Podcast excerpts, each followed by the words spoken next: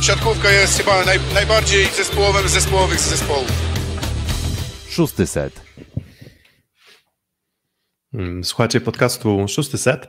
Mm, słuchajcie podcastu Szósty Set i wracamy na terytorium nam bliższe, terytorium, Lepiej które nam chyba znane. Tak, terytorium zdecydowanie lepiej nam znane.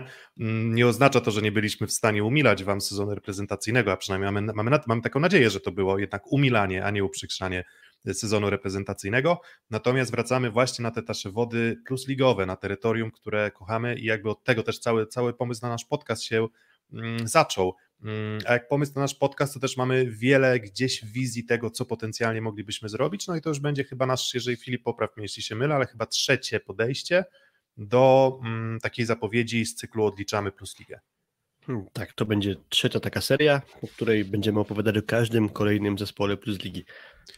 Um, I tak, jak w poprzednich, poprzednich dwóch sezonach udało nam się wygospodarować czas, żeby mm, każdy pojedynczy dzień, czy w naszych social mediach, czy też w postaci nagrań, mm, był wyizolowany dla jednego z klubów. A W tym roku, o czym też wypada wspomnieć, zanim w ogóle zaczniemy wspominać o e, klubach e, Plus Ligi, mamy 16 drużyn w Plus Lidze, czyli już dwie więcej. No i te dwie więcej drużyny też na pewno nam nie pomogły w znalezieniu czasu, Mm, ale o każdej drużynie będziemy rozmawiać, tyle tylko, że sp- spakujemy to, skompresujemy to do postaci takich, mm, wychodzi na to pięć sesji zrobimy.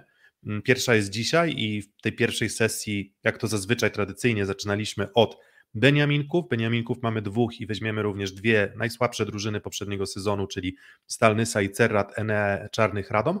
Mm, Potem kolejne trzy drużyny, trzy drużyny, trzy drużyny, aż do czołowej trójki zakończymy w Wydaje mi się, że mamy plan na środę lub czwartek w przyszłym tygodniu, żeby to wszystko zamknąć. Ale zanim o tych faworytach, zanim o drużynach, które będą walczyć o medale, to my oczywiście żadnej drużynie nie będziemy odbierać szans na medale, natomiast według naszej wiedzy, według naszych mm, umiejętności, też interpretacji, oceny zawodników, gry, potencjału, będziemy starali się coś, coś powiedzieć, coś przewidzieć, no bo każdą drużynę będziemy też kwitować, mm, kwitować.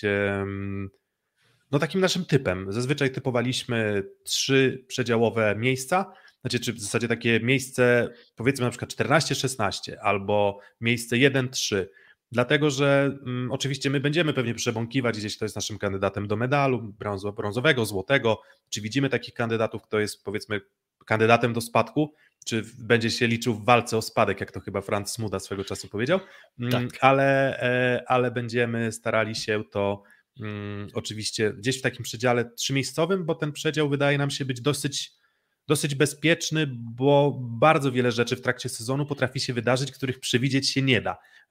I my chcemy mniej więcej ocenić potencjał sportowy, ale przecież to jest przygoda, to jest y, przygoda, z którą my też oczywiście będziemy Wam e, towarzyszyć, jeżeli będziecie chcieli z nami m, tę przygodę w przyszłym sezonie Plus Ligi, czy w tym nadchodzącym 2022-2023 przechodzić, to my oczywiście będziemy tutaj będziemy tę przygodę Wam opisywać i zobaczycie, zresztą ci, którzy już z nami byli, że bardzo różne perypetie są sezonów, zdarzają się fantastyczne rundy jednego zespołu, a potem rundy zupełnie zgaszone. Wystarczy podać przykład sezonu e, poprzedniego i projektu Warszawa, więc nie wszystko jesteśmy w stanie przewidzieć, ale spróbujemy opowiedzieć o tym, co już tu i teraz e, wiemy. Mm, No to tak, mamy dwóch Beniaminków, Filip. Rozszerzamy ligę z 14 do 16 drużyn, zanim przejdziemy do tego Barka, Barkomu Lwów, bo wydaje mi się, że to jest jako drużyna w ogóle ewenement, że mamy ukraińską drużynę w, w polskiej lidze. Wydaje mi się, że w jakiejkolwiek lidze mm, zespołowej jest to, jest to coś dziwnego, coś nietypowego, ale zanim przejdziemy do tego Lwowa, no to czy uważasz, że te 16 drużyn to jest optymalna liczba drużyn pod kątem no, też potencjału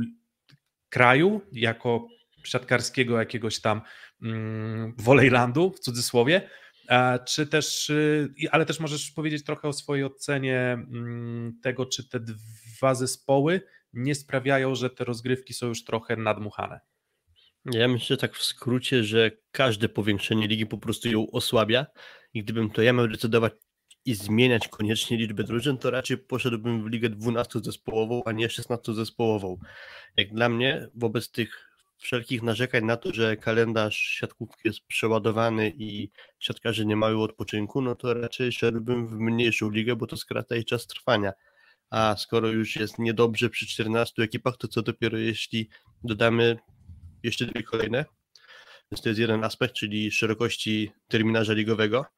I odpoczynku dla siatkarzy, a drugi aspekt jest też taki, że w mojej ocenie i też to pewnie wyjdzie przy analizie składów poszczególnych drużyn, jak dla mnie nie mamy potencjału Polaków, aż tylu, żeby trzymać się limitu obcokrajowców, czyli maksymalnie trzech obcokrajowców na boisku.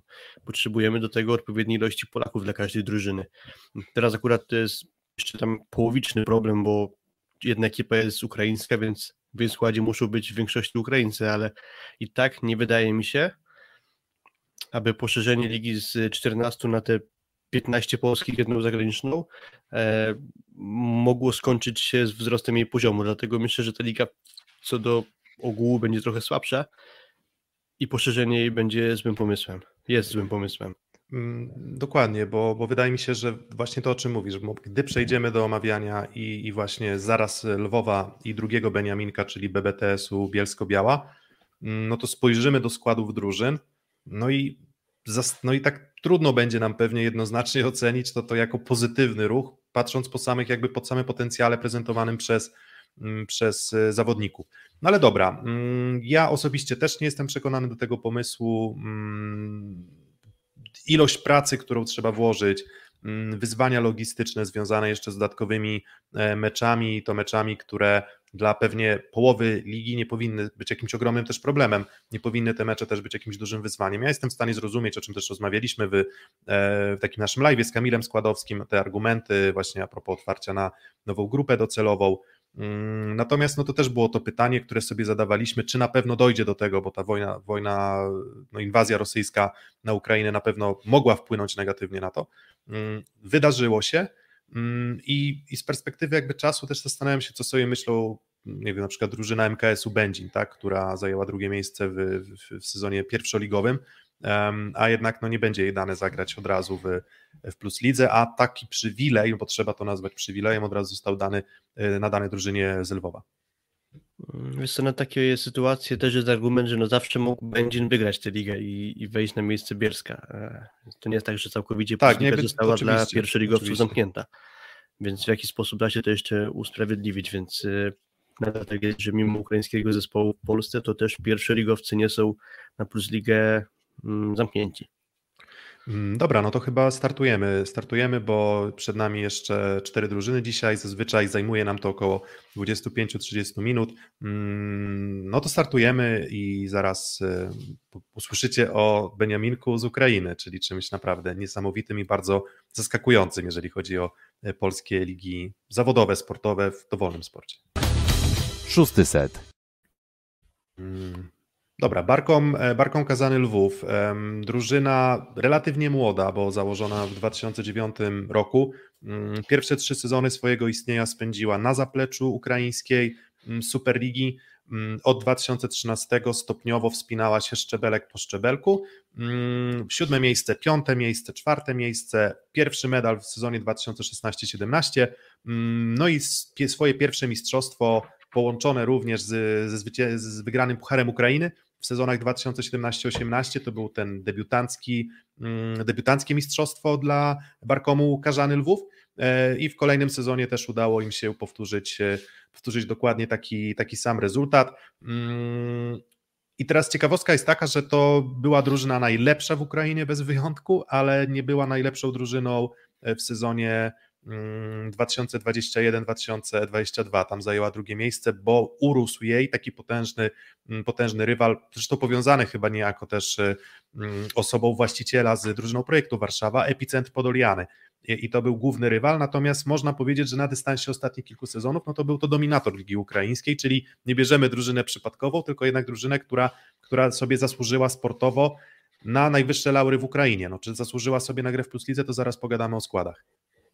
Tak, o składach pogadamy, a póki co jeszcze trochę o genezie w ogóle powstania tego klubu, bo jakoś w maju 2020 roku było już parę miesięcy po tym, jak wyciekła informacja o tym, że ukraiński zespół być może będzie mógł zagrać w Plus Lidze i wtedy pamiętam, że e, rozmawiałem z wtedy ówczesnym i aktualnym wciąż prezesem klubu Olegiem Baranem to, co się dowiedziałem oprócz tego, co przekazał mi e, prezes, to, że też mogłem się przekonać, że świetnie mówi po polsku. No i ma też sporo związku z Polską, co myślę, że było nieprzypadkowe w kontekście tego, że udało się e, wprowadzić ukraiński klub do Plus Ligi. Mm, co do powstania powiedziały, że rok 2009, więc względnie młody klub, no i sam prezes powiedział, że mm, co do powstania klubu, że jak to niektóre rzeczy w życiu, coś dzieje się z przypadku. I tak też powstał ten klub, czyli amatorsko grający w siatkówkę Oleg Baran e, miał swojego też kolegę na boisku, mm, który był też trenerem dzieci, e, szkolił siatkówkę, gry w siatku, grze w siatkówkę dzieci ukraińskie z Lwowa no i od czasu do czasu prosił o jakieś tam wsparcie e, finansowe dla tej ekipy. Te dzieci zaczęły dorastać w Lwowie, osiągać sensowne wyniki w Ukrainie, po czym wchodziły w wiek seniorski i nie miały gdzie się podziać, więc prezes Oleg Baran stwierdził, że dobra, załóżmy w Lwowie profesjonalny klub. I tak się zaczęło od drugiej ligi, potem do pierwszej ligi, rósł apetyt w miarę jedzenia, aż doszli do momentu, że okej, okay, na, Ukrainie nie jest to takie trudne, żeby przebić się do poziomu najlepszej ekipy w kraju, bo rywalizacja tam za duża nie jest i też nie jest łatwo, jeśli chodzi o chociażby takie sprawy jak ulgi podatkowe dla sponsorów i tego typu rzeczy, ale teraz oczywiście sytuacja wobec wojny jest już zupełnie inna. E, co do jeszcze Olega Barana, no to sponsorem jest jego firma, czyli e, zajmująca się jakby dystrybucją mm, usług nie wiem, garmażeryjnych, tak to można powiedzieć. No też ta jego umiejętność mówienia po polsku wzięła się z tego, że dużo jeździł po Polsce, po całym kraju, właśnie po to, żeby sprowadzać na Ukrainę mięso i przyprawy dla potrzeby swojej firmy. I tak myślę, że ten związek jego z Polską był tutaj bardzo istotny, co do wdrożenia tego pomysłu gry Barkomu Karzany Lwów w Polsce. Mm, nie dowiemy się w sumie nigdy, co by, co by było, gdyby, mm, gdyby ta wojna mm, nie wybuchła, gdyby, gdyby też nie było problemów na przykład lokalizacyjnych, no bo gdzieś oczywiście założenie było takie, że Lwów miał grać e, no, w Lwowie, tak. My wiemy, że tą taką bazą centrum szkolenia w, piłkarskich e, klubach, e, na przykład nie wiem, Szaktar Donieck, Dynamo Kijów, gdzieś ta Polska też figuruje jako kraj, w którym, w którym te bazy się znajdują. Barką Karzany Lwów zlokalizował się w Krakowie więc. E, ja myślę, że to też mm, było o tyle mm, ułatwienie sytuacji w tej całej tragedii, jakby jaka dzieje się na Ukrainie, to było ułatwienie, że będzie ten zespół stacjonował w Polsce a nie w Lwowie, bo to jest kwestia mniejszych dystansów do pokonania, przekraczania granic, e, mm, transmisji tak. z Ukrainy i tego typu rzeczy, więc mimo wszystko to było pewne ułatwienie w tej całej trudnej sytuacji. Tak, nie, nie jestem do końca przekonany, czy też w kategorii ułatwień mówi o tym pewnie prezes, e, prezes z Lwowa. No Wiadomo, bo, sytuacja bo jakby... jest tragiczna, no ale względnie jakoś to trzeba tak, nazwać. Tak, tak. tak. Ja, I, i logistycznie nie, nie, było to prostsze.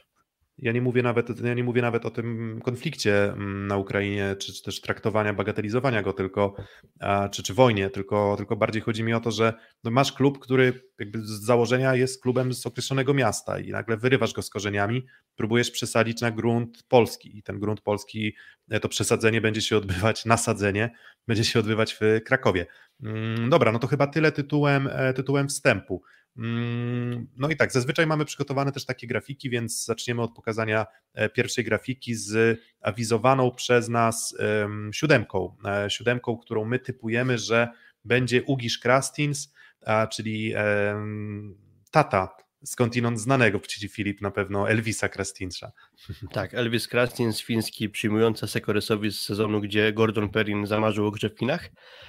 Elvis Krastins jest Finem, gra w kadrze Finlandii, a jego ojciec y, jakby narodowości łotewskiej i, i tak też jest przedstawiany jako Łotysz.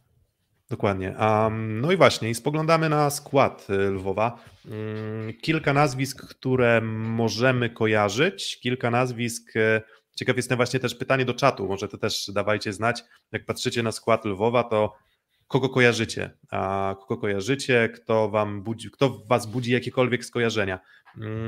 Wydawałoby się, że drużyna, która dominuje Ligę Ukraińską, też powinna mieć jednak tych, y, powiedzmy, najbardziej wyróżniających się reprezentantów. Ukraina awansowała do, na Mistrzostwa Świata, w Mistrzostwach Świata Ukrainie udało się dotrzeć do ćwierćfinału, mm, co było na pewno niewątpliwym, niewątpliwym sukcesem tej drużyny. Mm, niewiele zabrakło, pewnie, no niewiele, no powiedzmy, że niewiele zabrakło do awansu do, do półfinału z, ze Słowenią, natomiast nie jest tak, że jest powiedzmy przytłaczająca ilość w awizowanym przez nas składzie zawodników, którzy byli jakimś tam bardzo mocnym trzonem, e, trzonem tej drużyny Ukrainy. Nie ma Jurija Semeniuka, on będzie grał w projekcie Warszawa, nie ma Olecha Płotnickiego, mm, Ilia Kowaliew będzie grał w Kuprum, Kuprum Lubin, nie ma też e, Maksyma Drozda, ale z tych reprezentantów Ukrainy mamy na pozycji atakującego e, Wasyla Tupczija. No i Filip, ty też oglądałeś pewnie Mistrzostwa Świata, jakie wrażenie na ciebie, na, jakie wrażenie na tobie sprawił właśnie sam Wasyl Tupczy, czy przypomina ci może jakąś inną postać mm, z siatkarskiego podwórka plusligowego? Mm, Wasyl Tupczy jest atakującym leworęcznym o nie za bogatych warunkach fizycznych, można tak powiedzieć, jak na atakującego. No jeśli mówisz o jakichś podobieństwach, to myślę, że można by go trochę przyrównać do Mateusza Malinowskiego. E, zawodnik o podobnych parametrach, o podobnym stylu gry, e, też leworęczny, e, też potrafi kosić z pola serwisowego, natomiast obserwując i reprezentację Ukrainy na Mistrzostwach Świata, widziałem też ich sparring, czyli Ukraińców przed tym turniejem. Widziałem też na żywo mecze Barkomu ostatnio w Lublinie no i z mojej obserwacji są takie, że mm, będzie tam trochę problem na wysokiej piłce chyba. Tupci jest graczem, który raczej bazuje na szybkości, na dynamice, na tym, że dostaje piłki raczej na nierówny blok, aniżeli na szczelny, dobrze ustawiony. No i tylko jeżeli pojawia się jakaś wyższa piłka, to on stara się nie szukać jakiegoś ominięcia tego bloku albo zaatakowania górą, bo warunki fizyczne mu rzadko na to pozwalają, to stara się raczej siłowo rozwiązywać i atakować przez ręce, szukać dziury bloku, obicia piłki o blok. Myślę, że o ile w lidze francuskiej, gdzie spędził dużo czasu, takie coś jeszcze pozwalało nabijać mu dobre statystyki, tak mam trochę obawy, czy na poziomie plusligowym, gdzie jednak blok jest wyraźnie lepszy niż w wielu innych ligach, to czy tak, może, będzie tu wiesz, być może, wiesz, być może nawet y, można byłoby się pokusić o to, że właśnie element bloku jest jednym z tych elementów, który w plus lidze jest mm, no, elementem dominującym jakby istotnym, tak? Mm, na pewno mówimy też o analizie taktycznej, coś co może być w pierwszych. My się wszyscy będziemy uczyć tego zespołu, bo jest tak, że my możemy mieć jakieś tam przeświadczenie odnośnie tego, co ci zawodnicy potrafią, natomiast my będziemy się uczyć y, i też i skauci, analitycy drużyn, trenerzy pozostałych drużyn plus ligi też będą uczyć się, um, uczyć się tej, tej, tej drużyny, tych zawodników, tego konkretnego zestawienia personalnego. Ty mówisz Mateusz Malinowski, ja mówię trochę Remek Kapica, um, czyli też jakby bardzo, bardzo wydatne warunki, jeśli chodzi o siłę uderzenia, może niekoniecznie jeśli chodzi właśnie o o, o, o wysokość, o, o, wysokość tych łapanych, łapanych piłek. Mm, Remek Kapica w zeszłym sezonie pełnił funkcję jednak raczej tego uzupełnienia składu. Nie było odczyszczenia piłek w barwach Kuprum Lubin. Mm, no i jeżeli nie Wasel Tupci, no to mamy dwie pozostałe alternatywy na przyjęciu, które mogą te piłki sytuacyjne czy, czyścić. Jonas Kwalen, tutaj ja, jak pewnie większość, większość słuchaczy już wie albo jeszcze nie wie, no to ja jestem z Olsztyna, jestem kibicem AZS-u Olsztyn, no i Jonas Kwalen już zadebiutował w Plus Lidze, tylko że w momencie, gdy debiutował w Plus Lidze, to były zamierzchłe czasy e, i w tych zamierzchłych czasach, to sprzed 10 lat, on debiutował w roli drugiego rozgrywającego, czy też trzeciego rozgrywającego.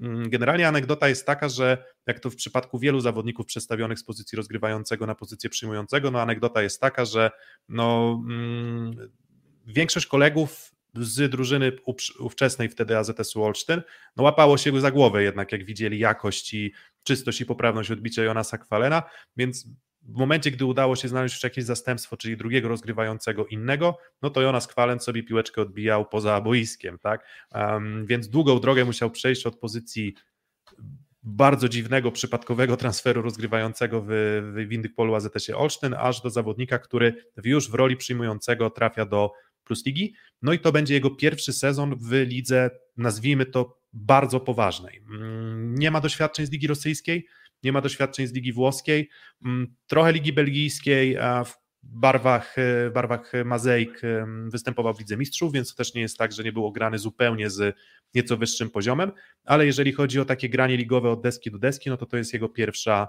e, pierwsza szansa. Mm, takie granie ligowe na poziomie około plus ligowym, czy tam Ligi Włoskiej to pierwsza szansa, bo tam jeszcze oprócz tego Masejek jeszcze była, był taki średniak Ligi Tureckiej, albo jedna z gorszych ekip Ligi Tureckiej.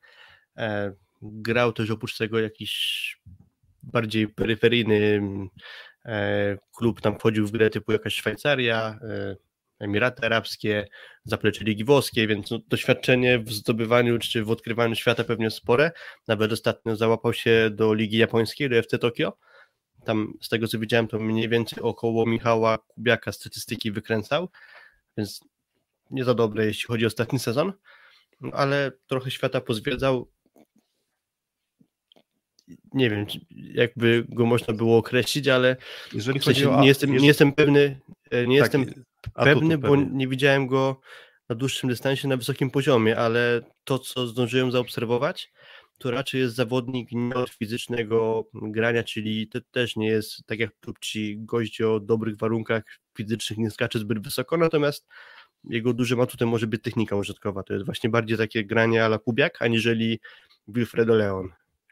Mm, to też jest zawodnik, który był trochę rzucany z pozycji przyjmującego i atakującego, jak już został przestawiony z rozgrywającego, więc on też miał doświadczenia na poprzekątnej z rozgrywającym. Mm, I wydaje mi się, że jakbym jednak wskazywał charakterystykę, no to problemem jakimś tam może być pewnie u niego element przyjęcia też, mm, bo, bo, bo, bo on po prostu się też nie szkolił za bardzo w, w tym obszarze. Mówimy też o zawodniku 30-letnim. Jakby to jest tak, że, że, że właśnie to, o czym ja wspominam, no to on przecież e, gdy wystąpił, w, gdy występował w barwach Indykpolu AZS-u Olsztyn, no to to był sezon 2012-13. No czyli właśnie jak, jak, jak wspominałem 10 lat temu, w wieku 20 lat opuścił Plus Ligę i on te doświadczenia zbierał, mm, ale na tle, chyba jednak gdybyśmy mieli ocenić e, Jonasa Kwalena na tle zawodników, nawet z bezpośrednio walczących o, mm, no, o podobne cele co Lwów, a, a pewnie myślę, że nie będzie jakimś jakimś specjalnym uchyleniem rąbka tajemnicy to, że jakby my uważamy, że Lwów powinien walczyć o utrzymanie, raczej o nic więcej. Jakbyśmy spojrzeli na inne drużyny w tym obszarze zainteresowania, to jednak są tam zawodnicy o nazwiskach lepszych, o doświadczeniu większym, o, o pewnie parametrach fizycznych i o jakości też nieco wyższej. Natomiast y, nie skreślam go zupełnie, nie, nie, nie, nie mam takiego poczucia, że to będzie zawodnik, który musi koniecznie odstawać albo że on będzie tę ligę zupełnie też e, kaleczył. Mm, myślę, że wbrew pozorom może sobie nieźle poradzić, a na pewno w tych starciach z drużynami, z rywalami z dołu. Przy czym wielu zawodników już widziałem, w, którzy dołączyli do, do Plus Ligi, którzy mieli duże problemy z tym, żeby dostosować się do poziomu. Mm, a Julius Firkal to jest słowacki, słowacki zawodnik. On już jest młodszy o te kilka lat, chyba 24 czy tam 25 lat. Um, niegdyś rzekomo duży talent, ale też do tej pory ta jego ścieżka klubowa nie pokazuje, że, że to zawodnik ze ścisłego poziomu. Dla niego to też będzie bardzo trudne zderzenie z, z poziomem plusligowym. Dokładnie. Opuścił Słowacy, czyli swój rodzimy kraj w 2017 roku. Najpierw w średniej ligi niemieckiej, później tureckiej. E, ostatnio spędził sezon w Bułgarii, będąc to Burgas, czołowy klub Ligi Bułgarskiej. No i jeśli wierzyć statystykom, to był tam czołowym graczem i też obiło mi się o uszy, że był tam wybrany do jakby drużyny sezonu, jeśli chodzi o pozycję przyjmującego, także no, jeśli chodzi o Ligę Bułgarską, to dawał sobie radę, no ale to też jest ten sam trochę przypadek jak Kalena, że Liga Bułgarska Ligą Bułgarską, no ale dajmy mu się mm, pokazać na poziomie plusligowym i nie mam pewności, czy jego ten poziom nie przerośnie, bo po prostu brakuje trochę materiału do analizy. Natomiast to też mi się wydaje raczej taki siatkarz, który bardziej bazuje na technice, aniżeli na warunkach fizycznych, na tyle, na ile zdążyłem go obejrzeć. Mm, też, też jest tak, że jest wielu zawodników, o których wiemy więcej. Jest wielu zawodników, które, którzy mają już dla nas taką bardziej jasną charakterystykę.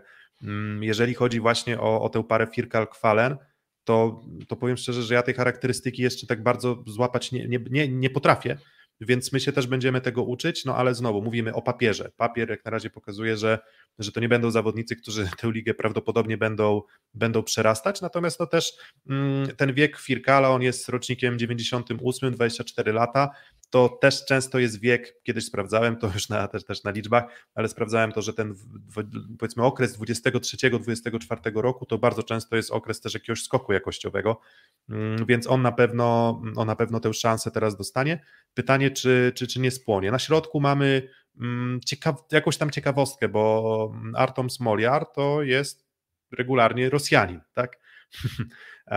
To jest Rosjanin, ale on, on już. Pochodzenia ukraińskiego, ale główną część kariery spędził w Rosji, też grywał w reprezentacji Rosji. Dokładnie, um, więc to jest postać e, na tym środku siatki chyba absolutnym faworytem do gry. Mm, w zeszłym sezonie zresztą właśnie Artom, Artiom Smoliar to był zawodnik, który grał praktycznie od deski do deski, jeżeli chodzi o, o zestawienie środkowych. Mm, I, no i, i wyglądał dobrze, jakby na poziomie Ligi Ukraińskiej wyglądał dobrze. Kojarzysz jego charakterystykę na przykład, nie wiem, z reprezentacji Rosji?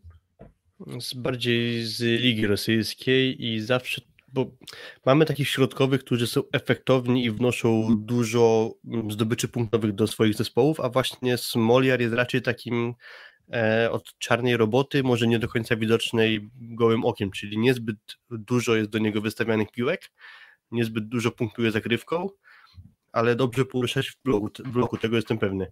E, też może to, że on niewiele atakował w tych klubach, gdzie go kojarzę, to też wynikało po prostu z charakterystyki e, danego zespołu, jakby ulubiony z nagrań rozgrywającego i tak dalej. No i on między innymi załapał się na sezon w Zenicie Kazań e, i w Lokomotywie Nowosybirskim, więc to były czołowe rosyjskie ekipy. Wcześniej sporo czasu był w Gorodzie i w chyba Dynamo Obwód Leningradzki.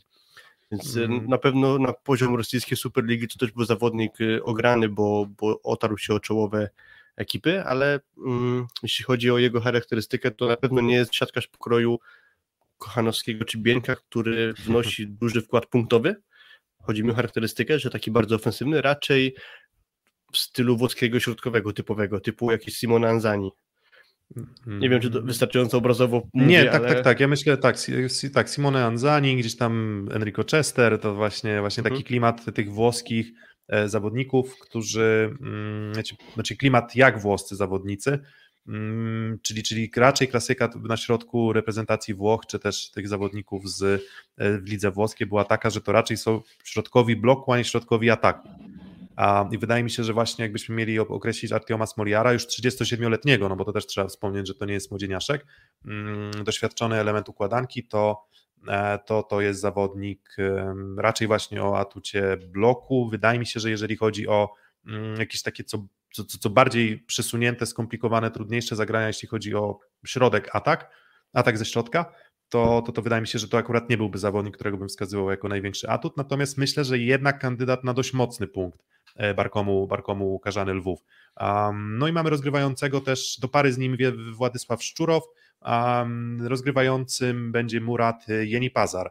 Um, I to jest rozgrywający w okolicach reprezentacji Turcji. Um, zdarzało mu się w tej kadrze być, zdarzało mu się grać częściej, zdarzało mu się grać rzadziej. Raczej z tego, co ty Filip kojarzy, jak mówiłeś, e, przegrywał rywalizację na przykład z Arsłanem Ekşim, mm, jeżeli chodzi o reprezentację Turcji. Tak, i chyba przez jakieś problemy zdrowotne teraz się nie załapał w ogóle do kadry Turcji na Mistrzostwa Świata. Gdyby nie to, prawdopodobnie tę e, parę stanowiłby właśnie on i Arslan Eksi. E, ostatni sezon między innymi, znaczy między innymi, ostatni sezon to Galatasaray Istanbul e, i, i jeden z ostatnich sezonów to Istanbul BBSK, czyli wtedy jeszcze mocny klub turecki, więc on był podstawowym graczem z zespołu z czołówki Ligi Tureckiej, więc myślę, że Soroz z Podogona nie wypadł. Na ile go kojarzę, to jest dość niesztampowo grający zawodnik. E, bardzo przyjemny do, dla oka jego gra jest, do, do, do oglądania. Natomiast powiedziałeś istotną rzecz przed tym, że rozgrywającym będzie Murad Pazar, bo na razie go jeszcze nie ma, czyli ostatnio jak ktoś oglądał e, Bogdanka Volley Cup e, imienia Tomasza Wójtowicza, to komentatorzy mówili o tym, że mm, tego siatkarza jeszcze z Lwowem nie ma, dlatego że są jakieś mm, Pytałem go dwa dni temu, to mówił, że te problemy wkrótce liczy, że się skończą i być może jeszcze w tym tygodniu e, przyjedzie do Polski. Na ten moment nie wiem, żeby już przyjechał, a start ligi za 8 dni, więc może być ciężko, żeby on zdążył wejść w drużynę.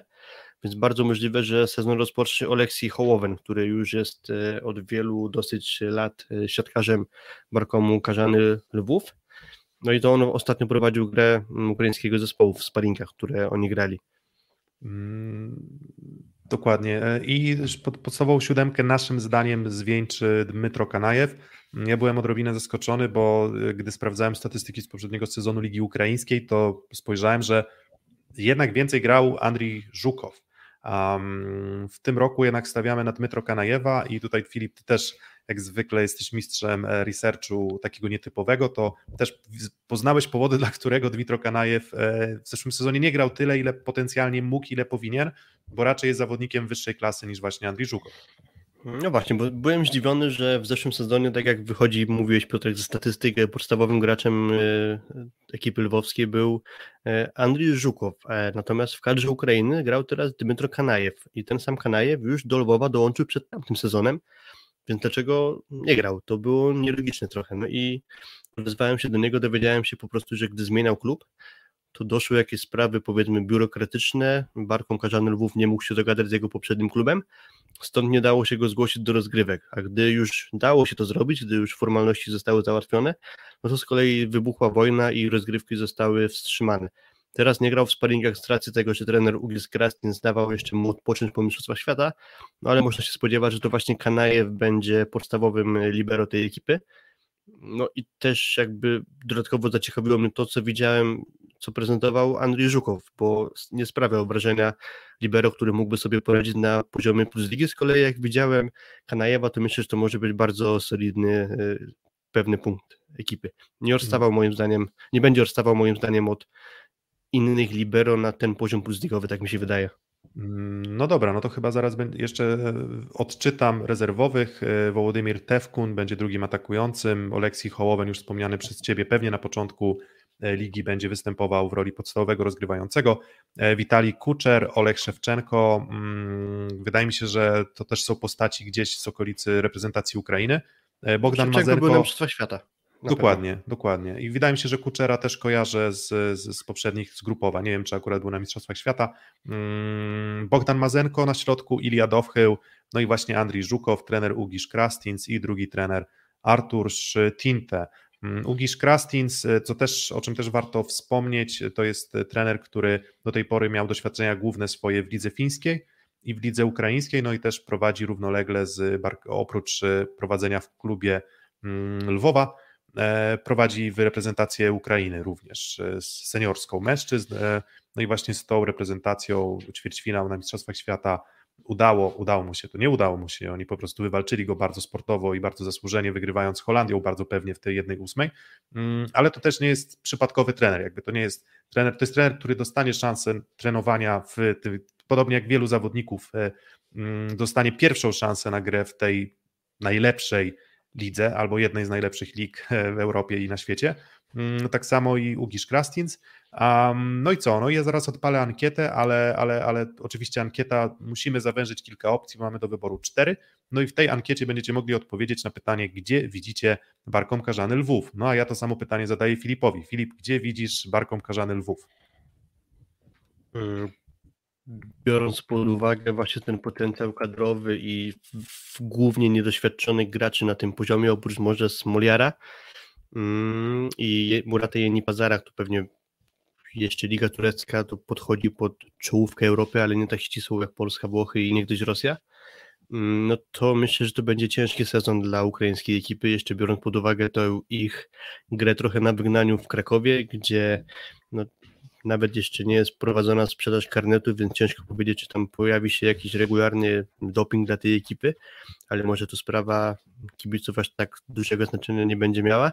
W każdym razie boiskowo... Wiesz co, jedna uwaga, bo muszę, muszę się wtrącić, żeby nie było, że się tak często wtrącam, ale tutaj muszę... Mi nie przeszkadza. E, na artykule, w artykule na weszło, mm, w którym opisywane były też realia właśnie tego, jak ten Lwów ma funkcjonować plus lidze, e, pojawiły się, pojawiły się informacje na temat tego, że Ministerstwo Sportu jakąś tam kwotę przeznacza również na e, treningi, jeżeli dobrze pamiętam, trochę takie integrujące mm, młodzież ukraińską, polską, powiedzmy tam kwota rzędu miliona, ponad miliona złotych. I w obszarze tego też jakieś tam środki miały trafić na to, żeby mm, sfinansować klub kibica, więc żeby ten klub kibica powstał, więc e, sam nie jestem do końca przekonany do tego typu rozwiązań, wolę inicjatywy oddolne, ale też sytuacja jest bardzo niestandardowa. Nie, nie Na pewno to, co wiemy, to dla mieszkańców Krakowa będzie to pierwsza od lat y, okazja, żeby te, te drużyny najlepsze y, z Polski gościć. Mm, jak na razie też nie, nie, widać za bardzo może aspiracji, może AZS AGH Kraków, to może być drużyna, która z Krakowa zagra w Plus Lidze, ale myślę, że też dla fanów siatkówki z Krakowa to może być jakiś tam rarytas, więc to taka dygresja a propos kibiców.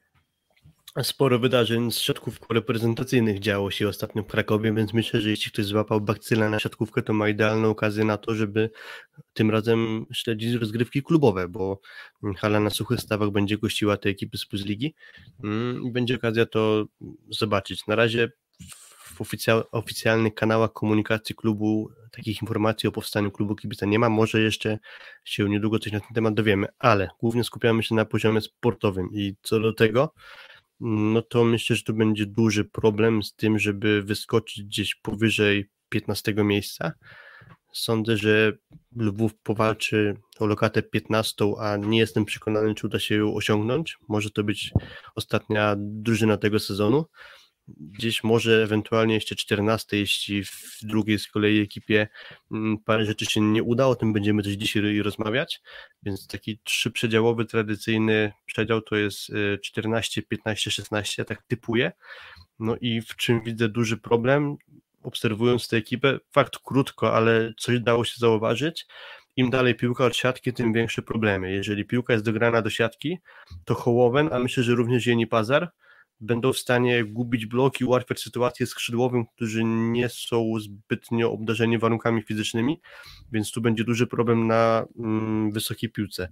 Jak już jest piłka dograna do siatki i gra wygląda bardzo fajnie i jest dobrze poukładana przez trenera Krastinsa, czyli tam nic się nie dzieje jakby z przypadku, nie sprawiają drużyny w ogóle z innego siatkarskiego świata, tylko funkcjonują jak dobry, dobrze poukładany zespół. Brakuje trochę siły ataku, tak mi się wydaje, że to będzie duży problem, ale jeśli już piłka trafi blisko siatki, to będą niełatwi do zatrzymania. Natomiast całościowo ten potencjał na poziom plus ligi, no myślę, że jednak na wysokiej piłce musi być y, większy, to będzie główna przeszkoda. Mam też wątpliwości co do tego, czy oni będą w stanie regularnie punktować zagrywką, bo też nie wydaje mi się, że to może być jakiś ogromny atut, ale reasumując, no będzie sukcesem, jeśli się utrzymają, tak uważam. Mm, no to tak, no to ja nie zaskoczę nikogo, w sensie jeżeli e, chodzi o ten mm, przedział trzydrużynowy, czy trzymiejscowy, no to na pewno będą to miejsca 14, znaczy na pewno, moim zdaniem będą to miejsca 14, 15, 16, natomiast wydaje mi się, że to nie będzie najgorsza drużyna ligi. Mm, w sensie nie jest, nie jest e, Lwów moim takim podstawowym, głównym kandydatem do, do spadku. O tym, kto będzie, no to spoiler alert, będzie to jedna z drużyn z tego odcinka, ale, ale, ale która dokładnie, no to jeszcze się dowiecie, więc musicie słuchać dalej, jeżeli chcecie się dowiedzieć, kogo ja typuję do spadku. Mm, wydaje mi się, że tak, że po pierwsze trochę ten element właśnie nierozpisania, trochę, mm, trochę, trochę tego, że dla wielu zawodników to będzie jednak duża szansa na rywalizację z najlepszymi. Mm, może też to, że ta reprezentacja Ukrainy pokazywała na Mistrzostwach Świata, że że, że tak może pomimo tego, że tak jak wspominałem, to nie jest tak, że najmocniejsi reprezentanci Ukrainy grają w Lwowie, mm, ale pomimo, nawet pomimo tego, jednak sama jakość drużyny to nie jest reprezentacja zupełnie z przypadku. Gdyby to było tak, że nie wiem, no dołączyłaby do nas, nie wiem, najlepsza drużyna Ligi Łotewskiej, to bym nie miał wątpliwości co do tego, kto spadnie, że, że raczej bym się tutaj nie, nie spodziewał cudów. Mm, ale biorąc pod uwagę najlepszą drużynę Ligi Ukraińskiej, gdzieś też, gdzieś też sygnowaną nazwiskiem porządnego trenera, to wydaje mi się, że, mm, że, że i też to, co zobaczyłem na sparingu, mm, sparingu na przykład z, z, z Weroną, prawda, w, w, w poprzedni weekend, to też raczej budziło mój optymizm niż jakiś taki pesymizm. W sensie raczej mam poczucie, że, że to nie będzie drużyna zupełnie przypadkowa. Natomiast na tle właśnie Werony potrafili wyglądać nieźle, ale to jest okres przygotowawczy. Poważne granie jeszcze się zacznie. Dla nich najważniejsze mecze to będą mecze z tymi drużynami pewnie z do, dolnej czwórki, piątki w plus lidze. Mm, no i w tych meczach nie uważam, że stoją na straconej pozycji zupełnie, więc dla mnie 14-16, mm, ale raczej nie do spadku. No tak, zachowując proporcje, ja byłem pozytywnie zaskoczony tym, co zobaczyłem na boisku po stronie Lwowa, to tak krótko też mogę powiedzieć. Mm, no dobra, no to ankieta jeszcze leci dalej, a my kończymy temat Lwowa, przechodzimy do drużyn już zlokalizowanych, e, co prawda zlokalizowanych, grających swoje mecze niedaleko od Krakowa, czyli w Bielsku Białej, czyli następną drużyną, o którą mówimy, będzie BBTS Bielsko-Biała. Szósty set. Mm, BBTS Bielsko-Biała, drużyna, która mm, zdobyła jedyny swój medal Mistrzostw Polski w 1993 roku. E, był to medal e, brązowy, mm, ale jeżeli chodzi o ich historię plusligową, czy też historię pierwszoligową, e, no to chyba zbyt ogromnych poziomów do powodów do optymizmu nigdy kibice BBTS-u nie mieli. To była taka drużyna trochę balansująca na granicy Plus Ligi i pierwszej ligi. Mm, w 2003-2004 roku zagrali sezon w PLS-ie, zajęli dziewiąte miejsce w fazie zasadniczej, w barażu o PLS odpadli z Górnikiem Radin. Potem mieli 10 lat przerwy, wrócili w 2013 roku, No i wtedy, jak zaraz pokażę na, na grafice, mm, miejsca 12, 13, 12, 14 i 15. Mm, jest jedna rzecz, która łączy ten sezon z BBTS-em i poprzedni sezon z BBTS-em, a mianowicie taka, że znowu mamy 16 drużyn w Plus Lidze. Dokładnie tak, no i gdybym miał streścić e, cały ten pobyt plusligowy właśnie ostatni, no to niestety to była tylko drużyna bardziej tło dla pozostałych ekip, bo podając pozycję też trzeba wiedzieć ile ekip liczyła wtedy liga i powiem inaczej, nie konkretne pozycje, tylko powiem inaczej. E, pięć ostatnich sezonów plus lidze, miejsce ostatnie, przedostatnie, trzecie od końca, trzecie od końca i drugie od końca. Czyli albo byli, powiedzmy, że udawało się dwukrotnie wyprzedzić dwie inne ekipy, raz udało się wyprzedzić jedną ekipę, kolejny raz jedną ekipę, a w debiucie nie udało się wyprzedzić nikogo. Dokładnie, tę grafikę już powinniście widzieć na, na, na waszych ekranach, ona jest na stronie Plus Ligi. No i właśnie jak widzicie, e, ostatni sezon 30 spotkań rozegranych, 6 wygranych, 24 porażki. Wcześniej 6 wygranych, 26 porażek. Mm, wcześniej 8 e, zwycięstw, 20 porażek, 9 zwycięstw, 21 porażek, no i 3 e, zwycięstwa i aż 21 porażek w sezonie 2013-14 po powrocie. To jest drużyna, o której, mm, która jakby, żeby, żeby to nie zabrzmiało zbyt brutalnie, ale gdybyśmy pewnie zapytali większość obserwatorów Plus Ligi, to specjalnej tęsknoty za tą drużyną, jeżeli chodzi o, o, o ich powrót do Plus Ligi też nie było, głównie z tego powodu, że ich dotychczasowe powroty nie dawały za bardzo powodów do przekonania, że coś może w tej drużynie ruszyć. I teraz, jak się zastanowimy nad tymi sezonami poprzednimi, jak się zastanowimy też nad składem tegorocznym BBTS-u, no to chyba też znowu nie jest tak, że wieje optymizmem.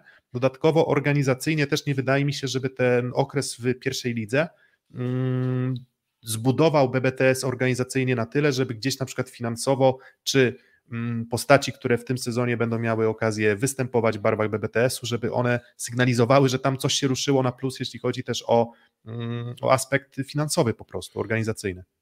Mm, tak, nie wydaje mi się, żeby to wróciła ekipa trochę innej klasy niż ta, która spadła. To znaczy, mam wrażenie, że będzie bardzo podobny obraz tego, co widzieliśmy w ostatnich latach w Plus Lidze, aczkolwiek trzeba też przyznać, że po tym jak z najwyższej klasy rozgrywkowej spadli, to byli zawsze jasnym punktem pierwszej ligi, bo zaczęło się od tego, że zajęli piąte miejsce, a potem za każdym razem to był finał. Najpierw przegrany przez e, BBT z Nysą, awansowała Nysa do Plus Ligi, później z Lublinem, mm, awansował Lublin i teraz w finał wygrali z Będzinem, dzięki temu udało się Bielszczanom wrócić na poziom Plus Ligi, aczkolwiek no, tam nie za wiele dobrego się zadziało, jeśli chodzi na przykład o szkolenie młodzieży albo o sprowadzenie ciekawych zawodników, bo mi się wydaje, że tak zbudowana kadra, jaka będzie teraz pewnie przez nas omawiana, to mi się no, chyba trochę też może brakować tam jakości i jakichś jasnych punktów. Może jedna taka postać będzie, ale w dużej mierze to, co widzieliśmy parę lat temu w Plusidze, obawiam się, że zostanie powtórzone. Masz mikrofon wyciszony. Już sekundę, e, tak, już, już wróciłem, e, mikrofon już odpalony. Mm, zaraz pokażemy Wam, na Wikipedii są bardzo fajnie podsumowane też te transfery przychodzące i odchodzące. No i to też najpierw pokażemy te transfery, a potem jaką siódemkę my awizujemy, chociaż też to, z tą siódemką to może nie być wcale taka oczywista sprawa, w szczególności na pozycji e, środkowych, bo tam ta rywalizacja pewnie będzie dość wyrównana dla wśród zawodników. Wszyscy mają swoje aspiracje potencjalnie do grania Mm, w siódemce. Natomiast jeśli chodzi o, jeśli chodzi o samą, same transfery, proszę bardzo, już pokazuję grafikę. Tak, już powinniście, powinniście ją widzieć. Jeżeli jej nie widzicie, no to oczywiście dajcie znać, to my troszeczkę powiększymy, mm, powiększymy ekran. Natomiast mm, zostaje raz, dwa, trzy, cztery, pięć, sześć postaci. Z tych sześciu postaci, jeżeli ja dobrze pamiętam, to e, Jake Haynes był podstawowym atakującym w pierwszej lidze. E, Radosław nie przez cały sezon, bo Paweł Gryc przez pierwsze mniej więcej pół sezonu był podstawowym atakującym, e, a dopiero Jake Haynes wbił się do składu gdzieś mniej więcej w drugiej połowie. Trzeba przyznać, że to była no najjaśniej, najjaśniejsza albo jedna z najjaśniejszych postaci. Tak, i to, jest, i to jest też tak, i to jest też postać nie, nieprzypadkowa, a więc to jest zawodnik, który mm, jest w reprezentacji USA co można rozumieć na dwa sposoby. Albo jest tam po prostu mizeria na pozycji atakujących i, i nie ma alternatyw innych niż Jake Haynes, ale jednak druga sprawa jest taka, że on po prostu w pierwszej lidze się wyróżniał, to to bez dwóch zdań. Zresztą w ogóle było tak, że trochę się nakładały te umiejętności, bo Paweł Gryt zresztą też bardzo dobrze występował mm, w pierwszej części sezonu w barwach BBTS-u Bielsko-Biała. Jak widzicie, Paweł Gryc odchodzi do Gwardii Wrocław, Zostaje Jake Haynes, zostaje Mateusz Zawalski, Radosław Gil, który był podstawowym mm, rozgrywającym w poprzednim sezonie.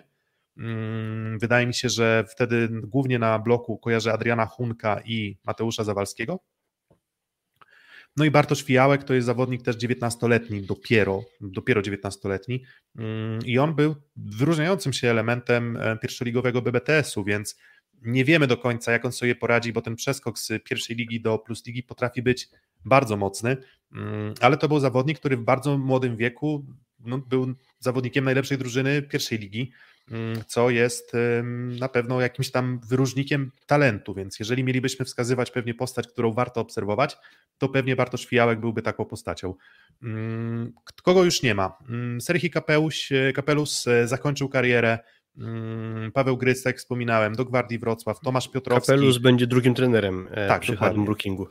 Dokładnie. Mm, Bartosz Pietruczuk idzie do MKS-u, będzie Tomasz Piotrowski na czwartego zawodnika, do czwartego przyjmującego do Aseko Resowi Rzeszów.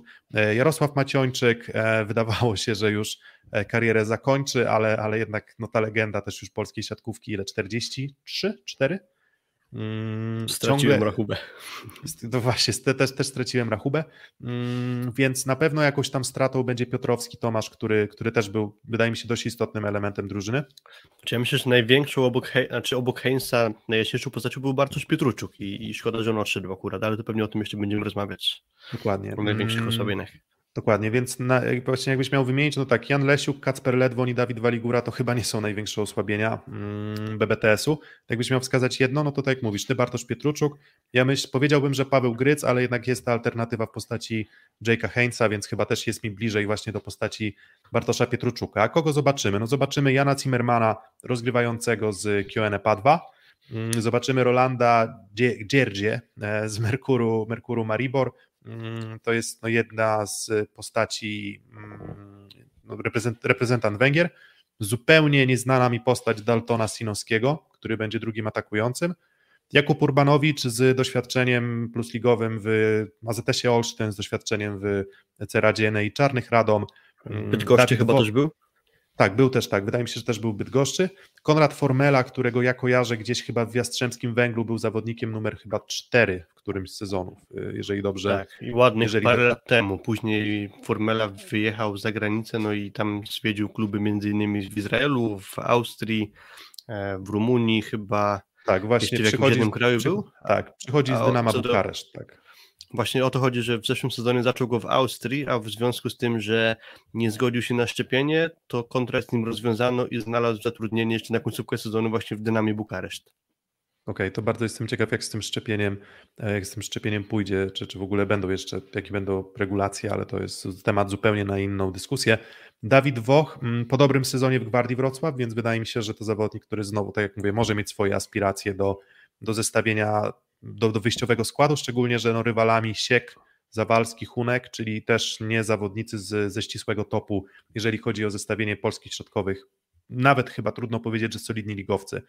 Mm, mówimy tak, zostają, opowiedzieliśmy kto, opowiedzieliśmy, kto zostaje, opowiedzieliśmy, kto przychodzi, mm, wspominaliśmy o tym, kto odszedł, spoglądamy na to wszystko i, no i musimy sobie jakoś ułożyć w głowie podstawową wyjściową siódemkę BBTS-u Bielsko-Biała, mm, no i już ją pokazujemy, tak nam się wydaje, nie mówimy, że na pewno tak będzie, ale tak nam się wydaje. BBTS Bielsko-Biała, to będzie ta grafika. I puszczamy na a, tak, więc BBTS Bielsko-Biała, mm, kilka pozycji jest dla nas chyba niespecjalnie kontrowersyjnych, czyli raczej spodziewamy się, że Jake Haynes będzie grał na pewno na pozycji atakującego, mm, na pewno spodziewamy się Jana Zimmermana na pozycji rozgrywającego, myślę i Rolanda Dzierdzie. Myślę że też, że Bartosz Fijałek raczej nie powinien mieć problemu z ograniem Dominika Teklaka w rywalizacji o wyjściowy skład, ale wszystkie pozostałe pozycje są z takimi małymi znakami zapytania, trochę wpisanymi na podstawie może też um, statystyk i przebiegu sparingów e, właśnie BBTS-u w okresie przygotowawczym. Mm, to tak podsumowując trochę po mojemu, to Jake Haynes, Gergie, Zimmerman i Fijałek to będą pewniacy. Mam wątpliwości co do obsady środka, czyli myślę, że tu może być dość sporo rotacji. A przynajmniej w zeszłym sezonie pierwszej lidze tak było, że oprócz Dawida Bocha, który dopiero przyszedł, no to Wojciech Siek i Mateusz Zawalski zamieniali się pozycjami, to znaczy raz grał jeden, raz grał drugi. Tu było trochę rotacji, natomiast takim etatowym, środkowym był Adrian Hunek. E, więc zobaczymy, jak to będzie wyglądało w tym sezonie. Myślę, że to może być trochę zmiany niepewności. Co do pary na przyjęciu z Rolandem Gergie, no to właśnie wpisaliśmy Jakuba Urbanowicza. Mm, on raczej będzie rywalizował z Konradem Formelą. Nie sądzę, żeby Radosław Puczkowski dostał regularną szansę na grę. Może ewentualnie Konrad Formela to właśnie będzie. Mm, jest tu o tyle skomplikowana sytuacja na przyjęciu, że mm, były takie plotki, że BBTS chce ściągnąć do siebie Łukasza Kozuba.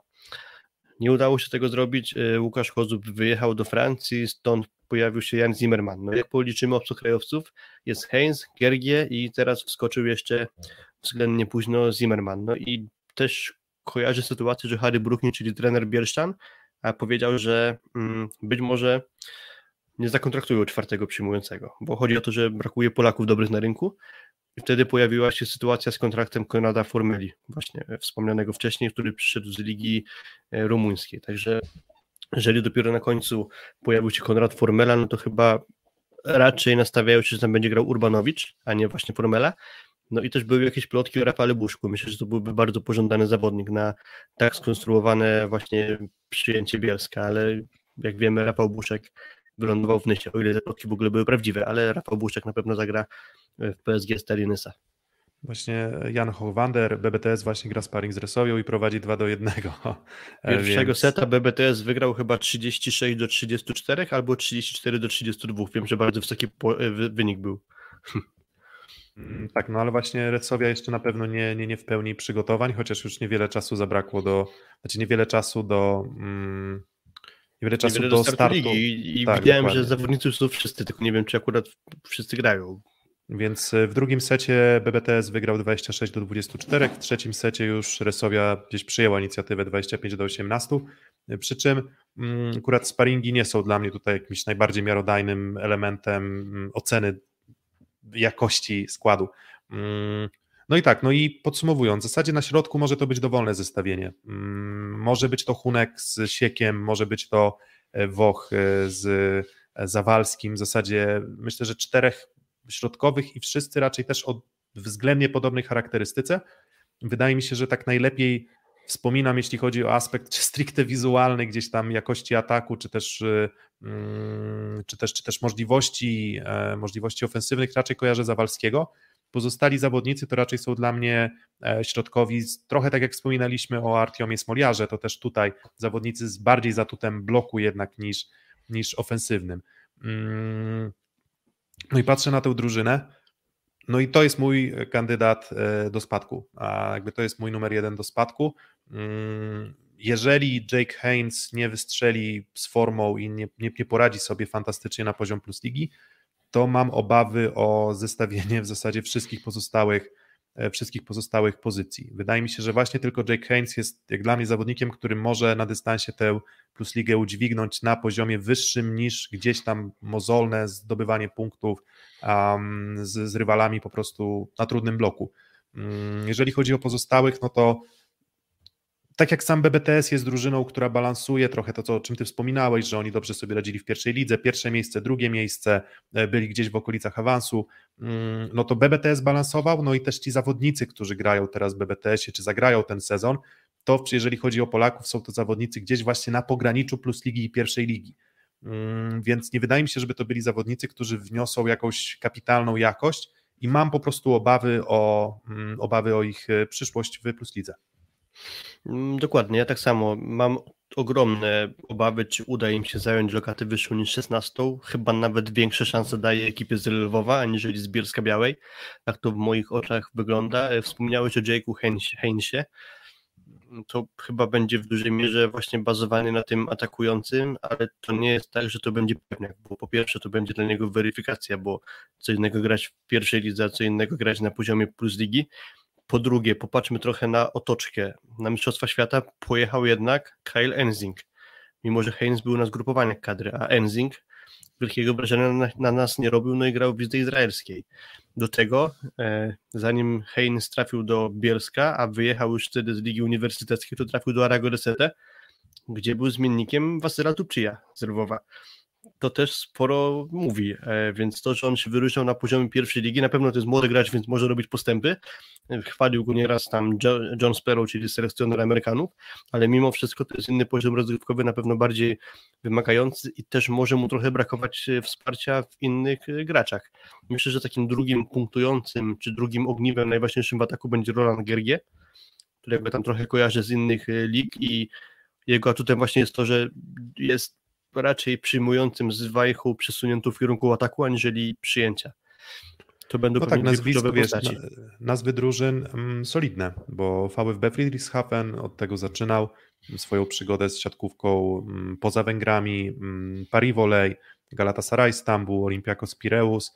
Mm, raczej nigdzie specjalnie dłużej miejsca nie zagrzał, więc trochę taki turysta, e, turysta siatkarski. No i też poprzednim Ciekawe. sezonie w Merkurze, Merkurze Maribor, czyli to, był, to była drużyna, która była rywalem mm, Zaksy. Zaks, widzę mistrzów, dokładnie. A jeszcze ciekawostka a propos tego Węgra jest taka, że zaczęła się mm, epidemia koronawirusa, czyli początki i Gergie ze względu na sytuację rodzinną w ogóle na jeden sezon przerwał karierę, więc on do Słowenii trafił po pauzie jednosezonowej i jakby dał się namówić na ten kontrakt w związku z tym, że ten klub był blisko jego rodzinnych e, stron na Węgrzech, więc e, jakby na chwilę u niego siatkówka w karierze zaszła na dalszy plan. Tak, natomiast to też nie jest ten, to też nie jest zawodnik, um, to też nie jest zawodnik, który jest, nie wiem, nazwijmy to, zmierza w kierunku emerytury sportowej, bo to jest cały czas zawodnik, powiedziałbym, w prime siatkarskim. No więc Heinz i Gergie są zawodnikami niezbędnymi, żeby to dobrze funkcjonowało. Nie mam na przykład poczucia, że Jan Zimmerman to jest też rozgrywający, który tę naszą ligę przerośnie. Mm, wręcz przeciwnie, wręcz mam takie poczucie, że to nie, nie jestem wielkim miłośnikiem talentu Jana, Jana Zimmermana akurat.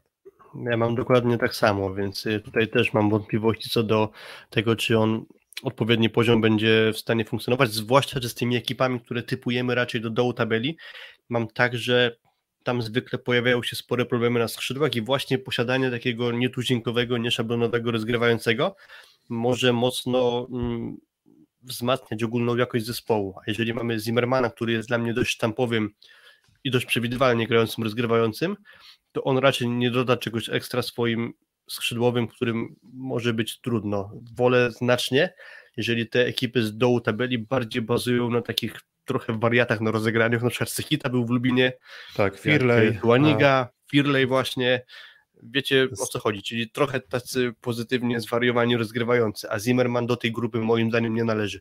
Tak, raczej, raczej poprawnie, raczej dokładniej niż nie szablonowo, raczej wolniej niż szybciej.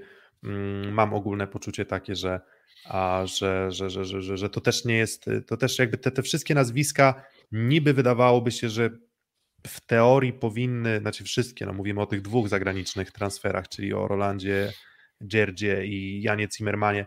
Myślę, że, obie, o, myślę, że oba, te nazwiska, oba te nazwiska wyglądają nieźle na papierze, nie, nie dramatycznie źle, nieźle, bo przecież no, ktoś spojrzałby do w historię kariery Zimmermana, no to przecież Berlin Recycling Volleys, VEB Friedrichshafen, a Cersei Perugia. gracz Padwy. Ostatnio podstawowy gracz Padwy, ale, ale, ale no jednak, jednak tylko, tylko Padwy tylko padwy i, te, to, i to, o czym też mówiłeś, czyli ta charakterystyka jego, no myślę, że nie musi koniecznie pomagać kolegom. Mhm. No jakby trochę kończąc charakterystykę tego zespołu, no to co do środkowych nie wiem, kto dokładnie będzie grał. Obstawiam, że może to być Hunek z Wochem. To, co łączy tę całą czwórkę graczy, to już mieli swoją przeszłość w Plus Lidze. Mieli pewien kawałek, gdzie byli podstawowymi graczami w swoich zespołach. Raczej bliżej dołu tabeli były to ekipy. No ale na dłużej jako ważne punkty plus ekip nie zaistnieli, także e, tutaj wielkiej jakości się nie spodziewam.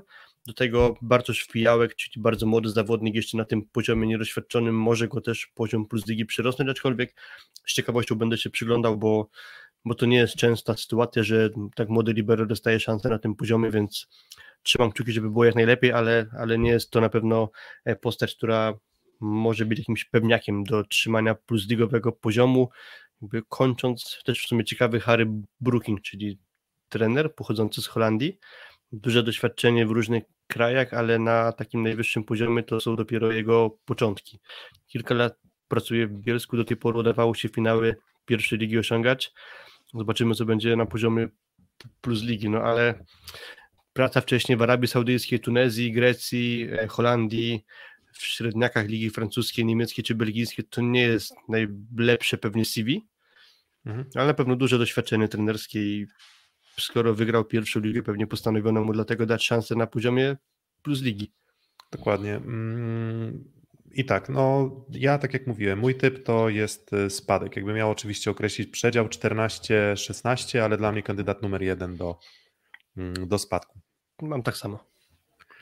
No dobra, no to wy macie jeszcze okazję zagłosować w ankiecie. Mm, jeżeli chodzi o Lwów, to typujecie, że Lwów zajmie miejsce 13-15 czyli nie typujecie do spadku. Mm, jeżeli chodzi o BBTS Bielsko-Biała, to tutaj ten układ głosów cały czas głosujcie, jeszcze będziecie mieli okazję, jeszcze nie będziemy przerywać tego głosowania, ale jak na razie tak 50-50, czyli spadek i miejsca 13-15 i zakładam, że w tych miejscach 13-15 to też raczej widzicie e, miejsce 14 lub 15. Może się mylę, ale oczywiście dajcie, e, dajcie komentarz i oddajcie głos w ankiecie. Mm, no a co, a my lecimy dalej.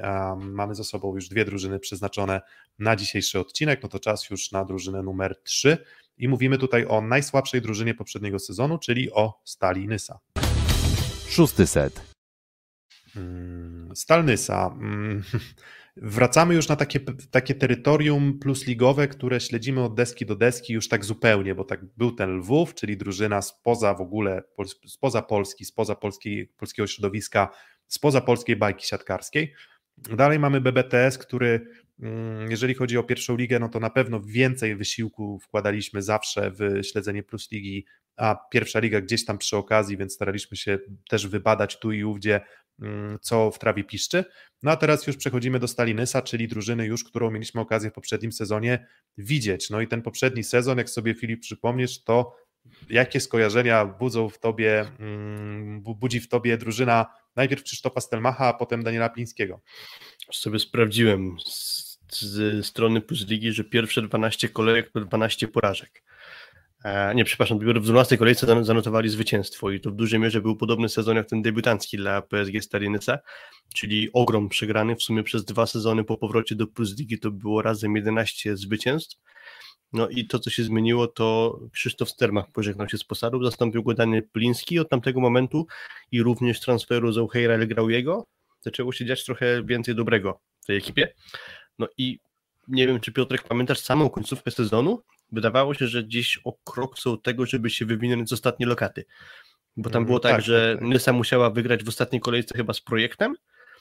Prowadzili chyba 2 do 0 i był tiebreak i ten tiebreak już im chyba nic nie dawał, bo nawet wygrana po tiebreaku by już ich nie ratowała i w tym tiebreaku gdzieś jakieś niesamowite serie zagrywek, jakieś asy Bentary sprawiły, że Nysa ten mecz wygrała, no ale po tiebreaku, więc to już było jakby jakby to powiedzieć, e, po wszystkim.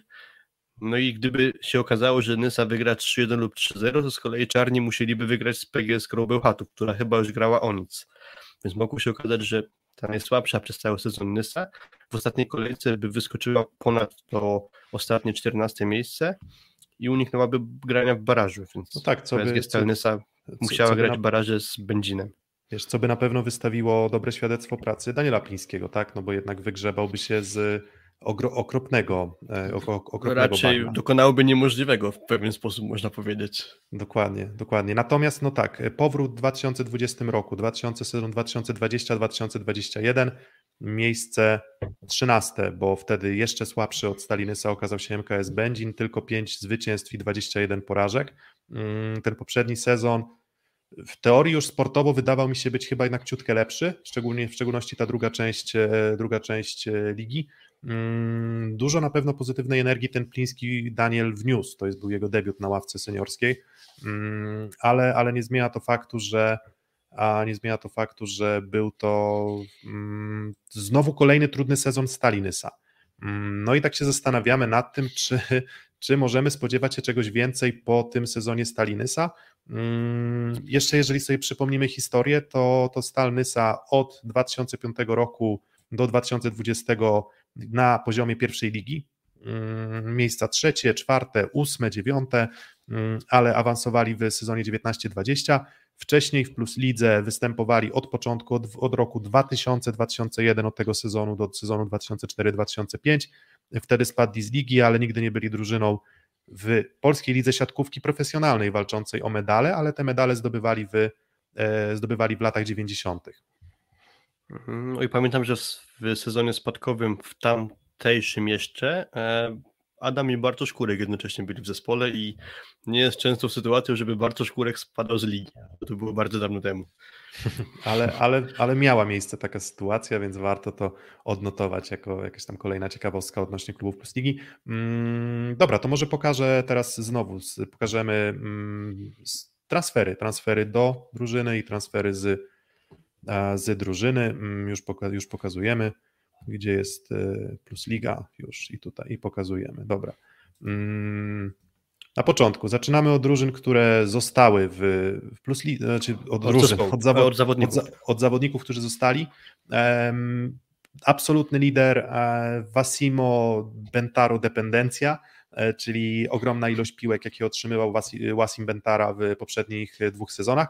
Mm, to jest zawodnik, który jeszcze nie będzie grał na polskiej licencji, przynajmniej do kongresu mm, FIVB. Jak na razie jeszcze on cały czas jest traktowany jako obcokrajowy, co jest ważne w kontekście mm, pozostałych zawodników, z którymi będzie mógł grać równolegle na parkiecie.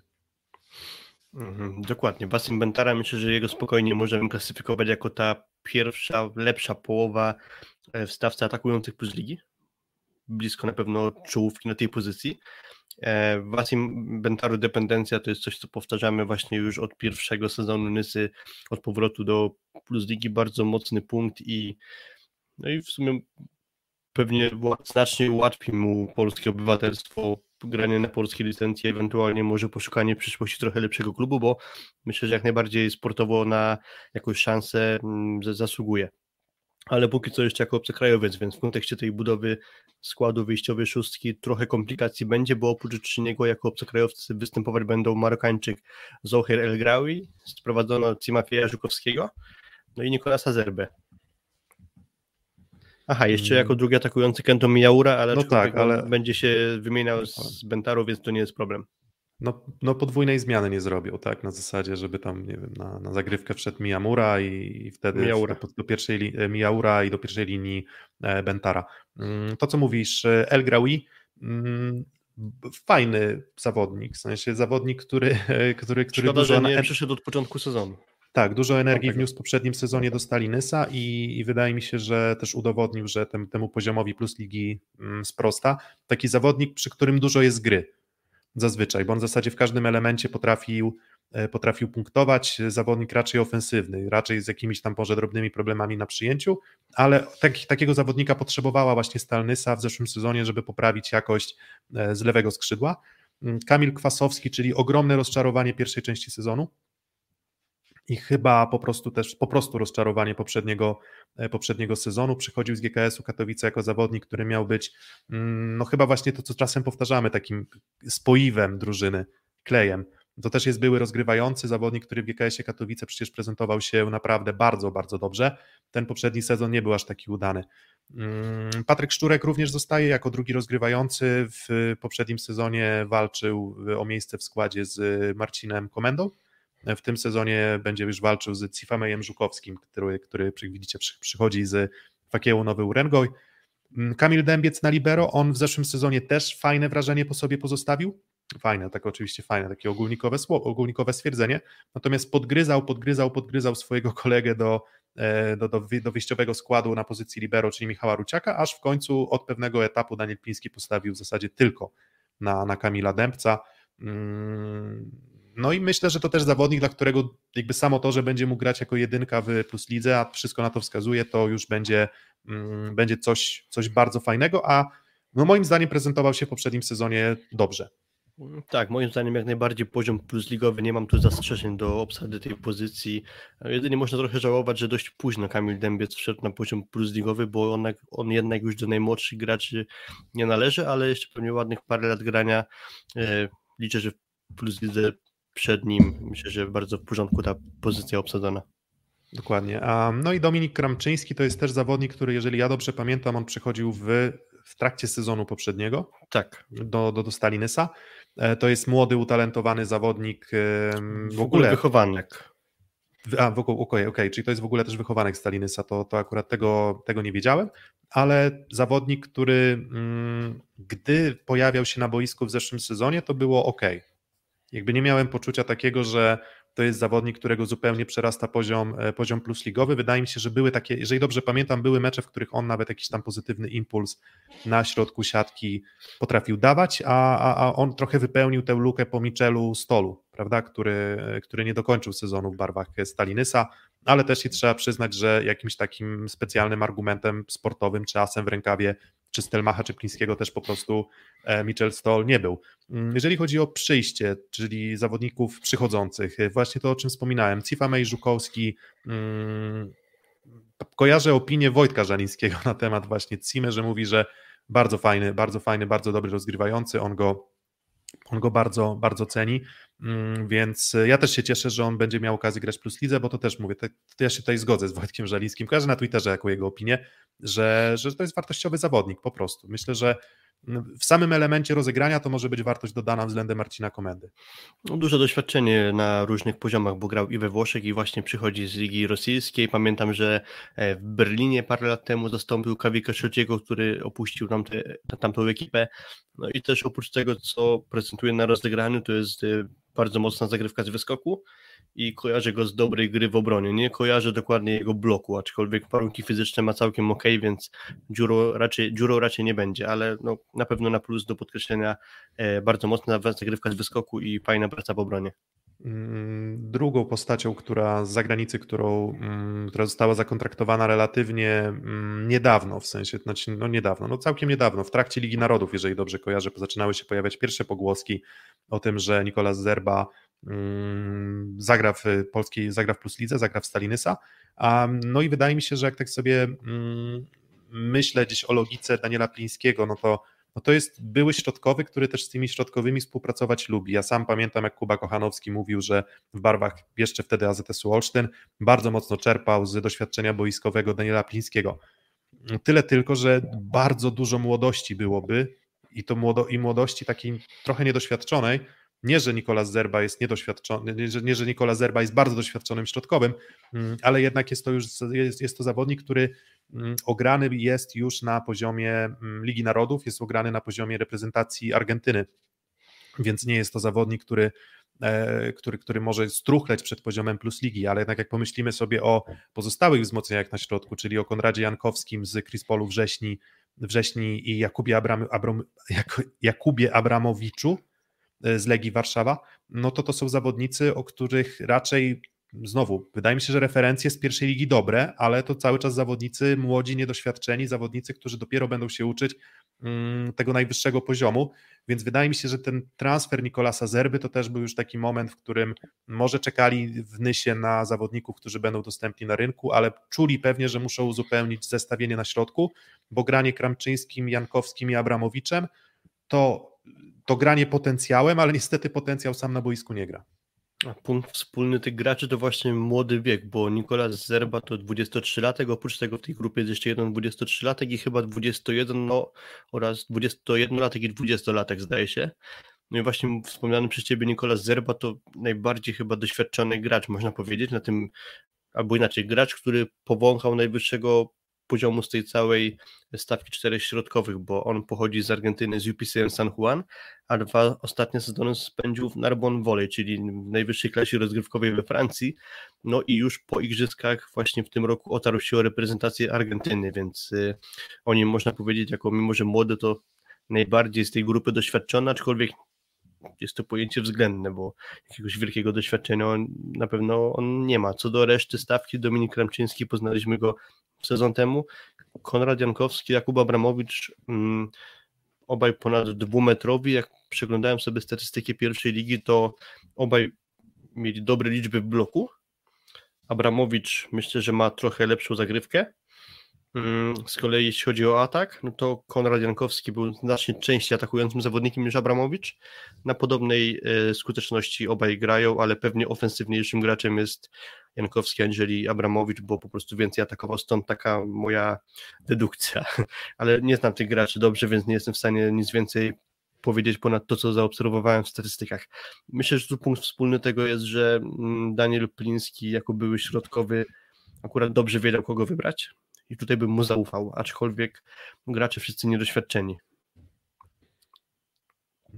Gracze niedoświadczeni i no i to, to jakby trochę mnie zaskakuje może to zestawienie, może mi brakuje tutaj, nie wiem, jednego zawodnika, który miałby, nie wiem, bliżej, nie wiem, 30, 31 Dokładnie roku tak o tym samym pomyślałem i dosłownie dzisiaj przeczytałem wywiad z Danielem Polińskim na portalu nto.pl i właśnie też był taki fragment wypowiedzi, że zastanawiali się nad tym, czy przypadkiem nie wziąć e, kogoś e, środkowego z ponad 30 e, latami na karku, ale ostatecznie woleli postawić na młodzież jako tę przyszłość klubu, powiedzmy tak to wytłumaczył Daniel Pliński.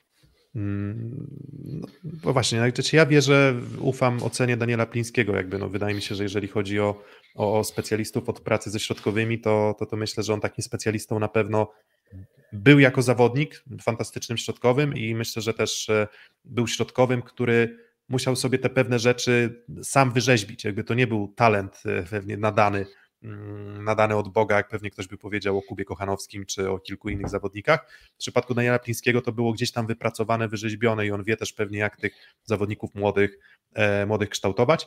Mm, dalej, interesujące transfery na, na przyjęciu e, z dwójki, z dwóch różnych biegunów, jeżeli chodzi o wiek. Michał Gierżot, bardzo młody, bardzo utalentowany, ale jak na razie trochę targany kontuzjami, trochę targany rywalizacją o miejsce w składzie. Pierwszy sezon y, seniorski w barwach Jastrzębskiego Węgla, hmm, chyba tylko dwa lub trzy występy w lidze. Hmm, myśleliśmy, że pójdzie do Kuprum Lubin i będzie grał tam dużo. Okazało się, że jednak kontuzja odniesiona na kadrze uniemożliwiła mu potem jakieś swobodne wejście do, do drużyny i, i w zasadzie dopiero w końcówce sezonu gdzieś Michała, Michała Gierżota próbował Paweł Rusek wykorzystywać, ale też trochę rzucał go, trochę na przyjęciu, trochę na ataku. No i teraz ma rywali będzie rywalizował z El Grauim, Kwasowskim i Buszkiem. No i jeżeli jest to talent na miarę tego, o, o, o czym wszyscy mówią, no to wydaje się, że to już jest gdzieś chyba powoli ten moment, w którym ten talent Michał Gierżot powinien pokazać, przynajmniej grając dość regularnie, może nie wszystko, ale dość regularnie. No i wygląda na to, że z jego zdrowiem już jest wszystko w porządku, bo jeszcze nie tak dawno temu zaliczył cały turniej e, Mistrzostw Europy U22 mm, w reprezentacji Polski, notabene prowadzony przez Daniela Plińskiego, więc akurat e, trener Stalinysa dobrze tego siatkarza zna pewnie wiedział, kogo bierze i prawdopodobnie obaj są chętni na współpracę ze sobą, więc oby to okazało się dobrym krokiem w karierze Michała Gierżota, bo na pewno to jest duży talent i faktycznie już chyba zbliża się do tego momentu, że jeśli miałby potwierdzić swoje aspiracje, to już chyba warto byłoby przebić się do pierwszego składu którejś ekipy z Plus Ligi. Zaraz odpalę tylko ankietę, a, a okay. będę, będę kontynuował, więc możesz powiedzieć też o Rafale Buszku, legenda Asekoresowi, zawodnik, który ratował już wielokrotnie Asekoresowie, teraz teraz wydaje się, że on wcale nie jest na straconej pozycji, jeżeli, przynajmniej jak spoglądamy na raporty meczowe, jak spoglądamy na, na sparingi, to wydaje się, że nie jest w straconej pozycji, jeśli chodzi o. nie stoi na straconej pozycji w porównaniu do na przykład Kamila Kwasowskiego. No ja myślę, że ma czego żałować do tego rysowia, że tego siatkarza na pozycji czwartego przyjmującego nie udało się zatrzymać, bo jednak to nadal mimo upływającego wieku jest bardzo wartościowa postać. Siatkarz raczej bazujący na technice, więc tu sprzyja to długiemu graniu w siatkówkę, inaczej byłoby, gdyby to był siatkarz, który bazuje na e, zasięgu, na wyskoku i na, na, na zasięgu, także mm, sobie pewnie ma czego żałować, że nie udało się go zatrzymać, a pewnie Stalny sam mocno skorzysta na jego obecności, oprócz tego doświadczenia, to jeszcze uważam, że nadal jest siatkarz, który na tym poziomie mniej więcej dolnych rewirów tabeli jeszcze może się pozytywnie pokazać. E, nie skreślam jego szans w grze o pierwszy skład, chociaż Myślę, że tu będzie raczej szukanie zawodnika do pary z El Grauim, który mi się wydaje pewniakiem. Mhm. I właśnie pytanie, czy to będzie Kamil Kwasowski, który zanotował słaby poprzedni sezon, on był dla mnie rozczarowaniem po świetnej grze w Katowicach. Też są takie kolorowe jakby opinie, że być może ten prime Kwasowskiego właśnie przypadł na sezon w Katowicach i on już raczej do tamtego e, sezonu nie będzie w stanie nawiązać. Zobaczymy. Czy będzie to Gierżot? Nie jestem przekonany, e, więc może to wyjść tak, że jeszcze Rafał Buszek nas zaskoczy na, sta wiesz, na starość. Problem, pro, problemem, problemem, wiesz, problemem w walce Gierżota o, o drużynę na pewno będzie też charakterystyka jego jako zawodnika, mm, to czyli też raczej nie człowieka o tu i teraz jakby na pewno z ogromnym talentem, jakby co do tego nikt, nikt nie kwestionuje, ale tu i teraz to nie jest zawodnik też, którego miałbym aż taką odwagę postawić w parze na przykład obok El Grauiego. Raczej powiedziałbym, że do El Grauiego szukałbym zawodnika o atucie właśnie defensywnym i bardziej te atuty widzę jednak u, u Rafała Buszka i u Kamila Kwasowskiego. No ale zobaczymy, jak, jak postawi. Wydaje się, że faktycznie El Graui jest tym, tym podstawowym zawodnikiem. Wiesz, kwestia limitu jeszcze, bo jeżeli będzie grał Zerba na środku, no to będzie na pewno pewniakiem Bentara i Żukowski, a Graui wtedy może usiąść na ławce, więc to jeszcze taka kwestia do rozwiązania. Dokładnie, um, więc dokładnie, więc to, to, to, o czym wspominaliśmy, do momentu przyznania Was, Wasimowi Bentarze um, polskiej licencji. A najwcześniej um, w przyszłym roku kalendarzowym?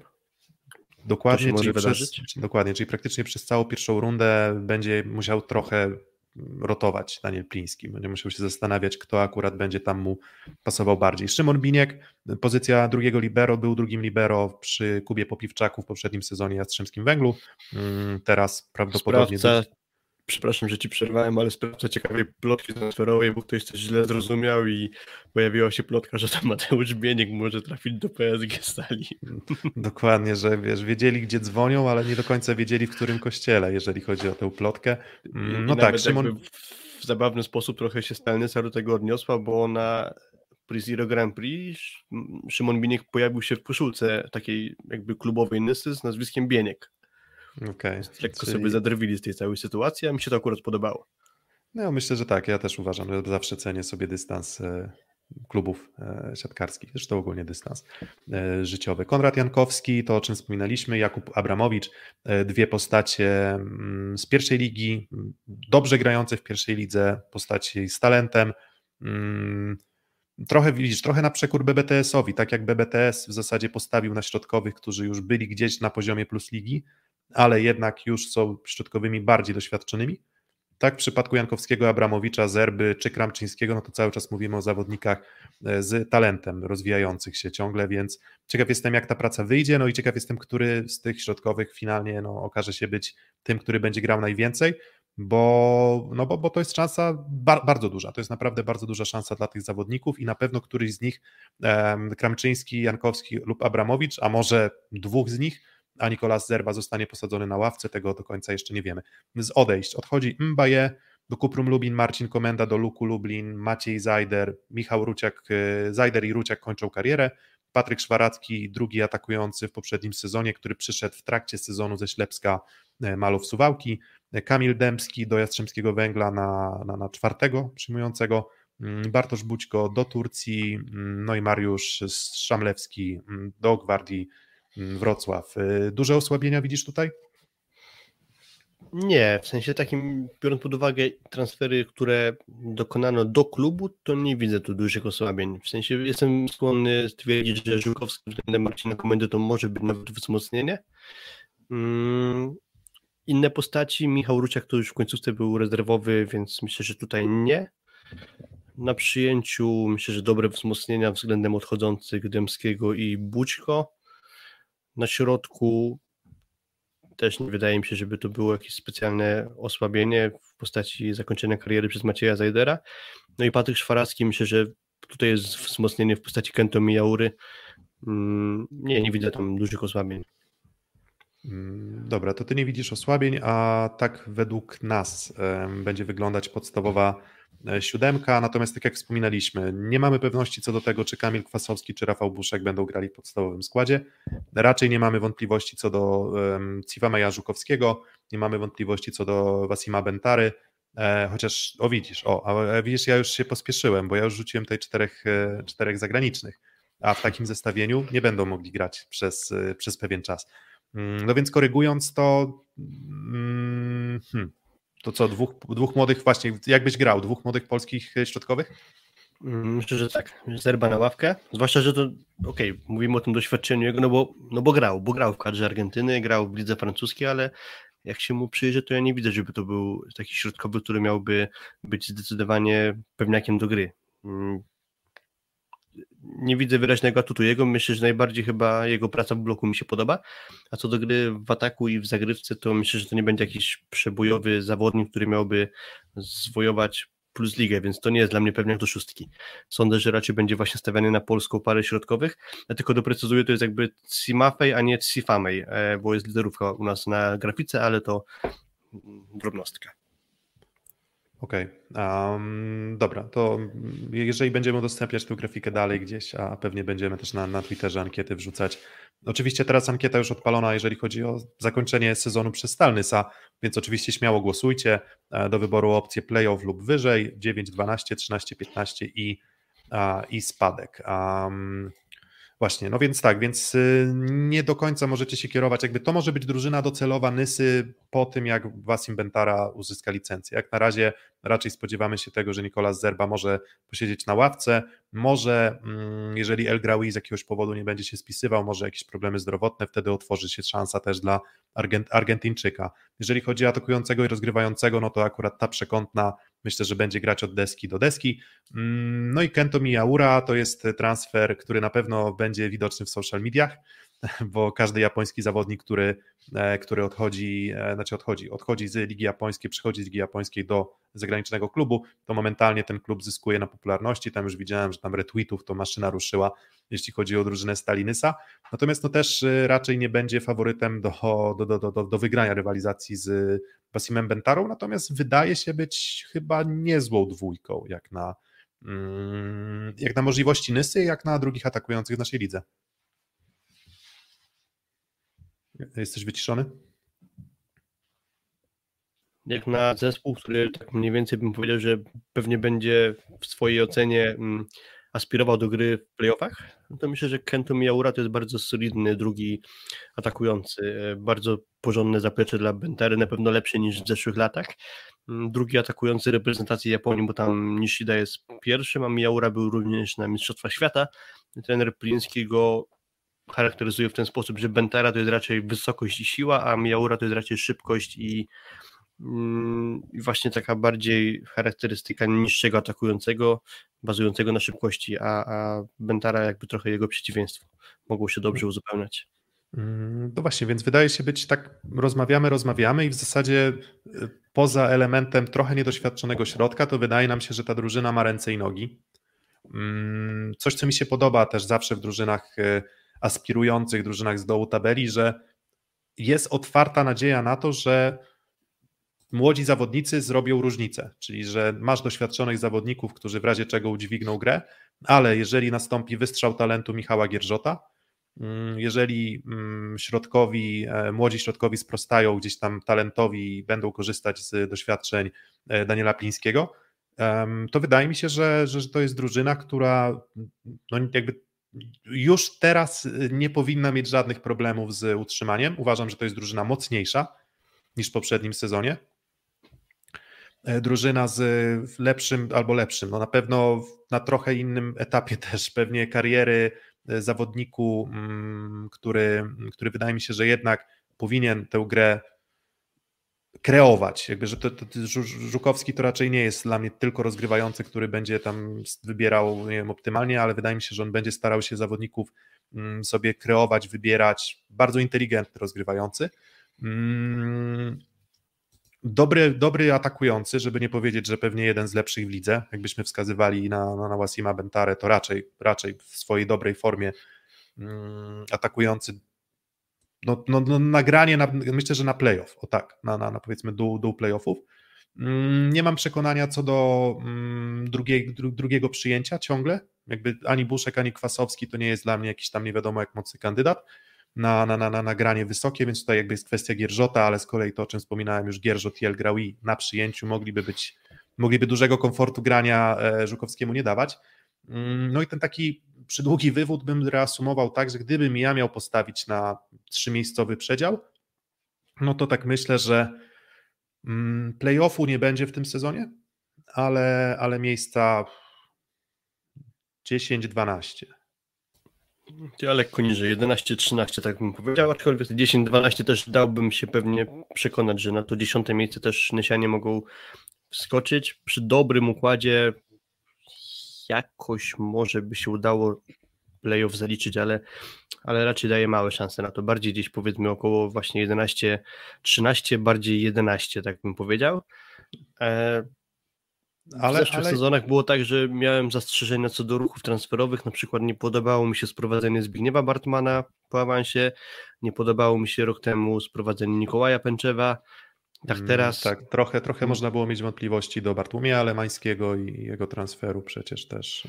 Mhm. Tak, wiesz, próba, po awansie próba od... chyba był plan w ogóle postawienia na Patryka Szczurka. Dopiero ta sytuacja z powrotem do Rysowi Drzycki spowodowała, że Marcin Komenda szukał klubu i dość późno Nysa po niego sięgnęła, więc też ewentualne planowanie grania z Patrykiem Szczurkiem jako podstawowym rozgrywającym też nie wydawało mi się najlepszą perspektywą. Tak teraz te transfery jestem w stanie ocenić, że w zasadzie każdy mi się podoba. Mam wątpliwości co do jakości Zerby, ale liczę na to, że Daniel Pliński dobrze wybrał sobie środkowy z polskiej pierwszej ligi i podoba mi się to, że oni dostaną szansę, że to nie są zawodnicy wiekowi, jak to był na przykład Zajder chociażby, który raczej już postępu wielkiego by nie zrobił. Tak teraz właśnie jest tak, że okej, okay, to jest fajne miejsce na to, żeby sprawdzić sobie pierwszoligowców i dać im szansę. Może to sprawdzić, więc jak najbardziej na plus Zerba może być rezerwowym, nie mam z tym problemu. Mm, widzę, że wielokrotnie ten już tutaj się pojawia, że Jacek Rusek wywołuje nas do tablicy, jeśli chodzi o postać Denisa Kariagina, ale odcinek o Zaksie będzie w przyszłym tygodniu, to musicie poczekać, bo teraz nie będziemy opisywać mm, jego charakterystyki. My zresztą z Kubą coś tam już wspominaliśmy o Kariaginie i o jego transferze, no więc to tak na marginesie, jakby ktoś tam chciał, czekał na tę wypowiedź. E, Mario Lapatik, że to jest zespół, który będzie czarnym koniem ligi. Mm, jest potencjał, jakby z drużyn, od drużyn z dołu tabeli ja jakby oczekuję, to jest za duże słowo, no bo ja nie mam prawa niczego oczekiwać, ale fajnie jest widzieć w dole tabeli drużyny, które dają jakiś impuls, nowe postaci, zawodników trochę nieszablonowych, trochę dać szansy młodym, mm, trochę miejsce dla, dla, dla talentów.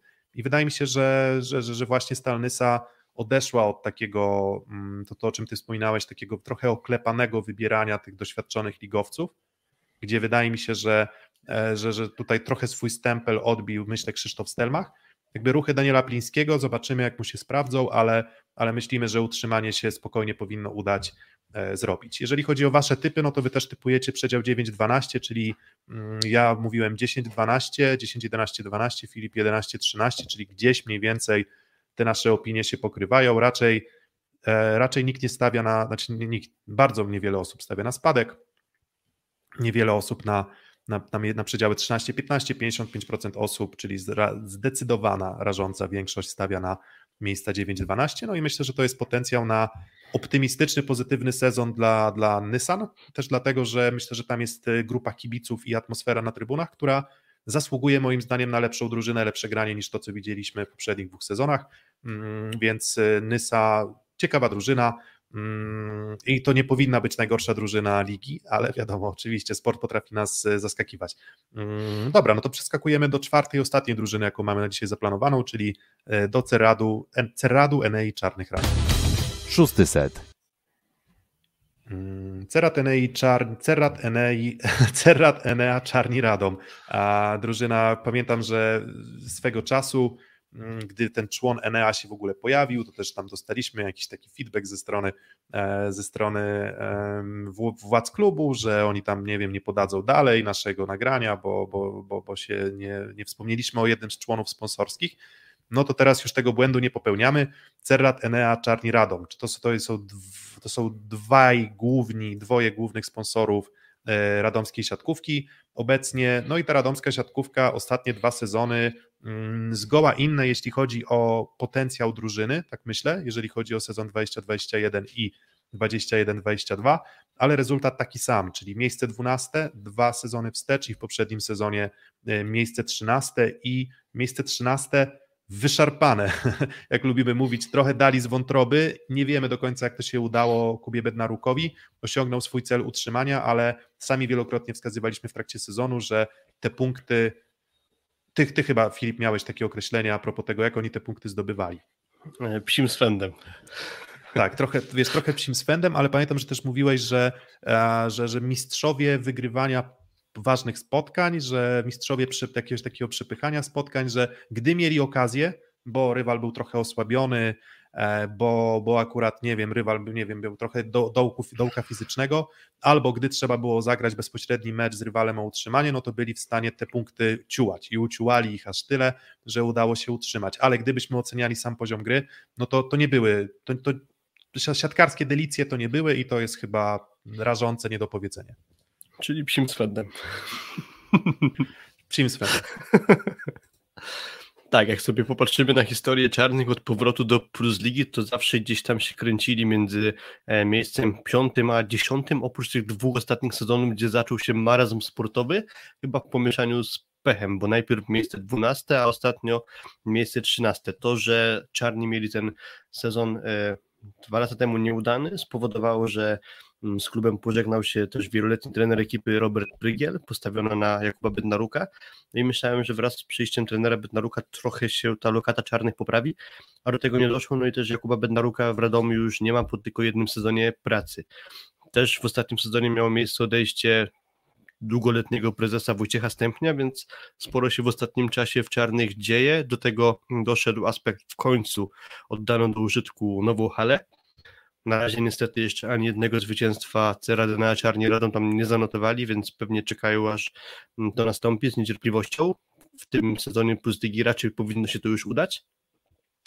E, za trenera Bednaruka pojawił się Jacek Nawrocki, dla którego będzie to powrót do Plus Ligi, no i też ruchy transferowe w skrócie, będziemy o tym mówić, e, nie do końca dla mnie wskazują na to, żeby znacząco ta kreska, którą teraz widzicie na ekranie mogła iść wysoko ku górze.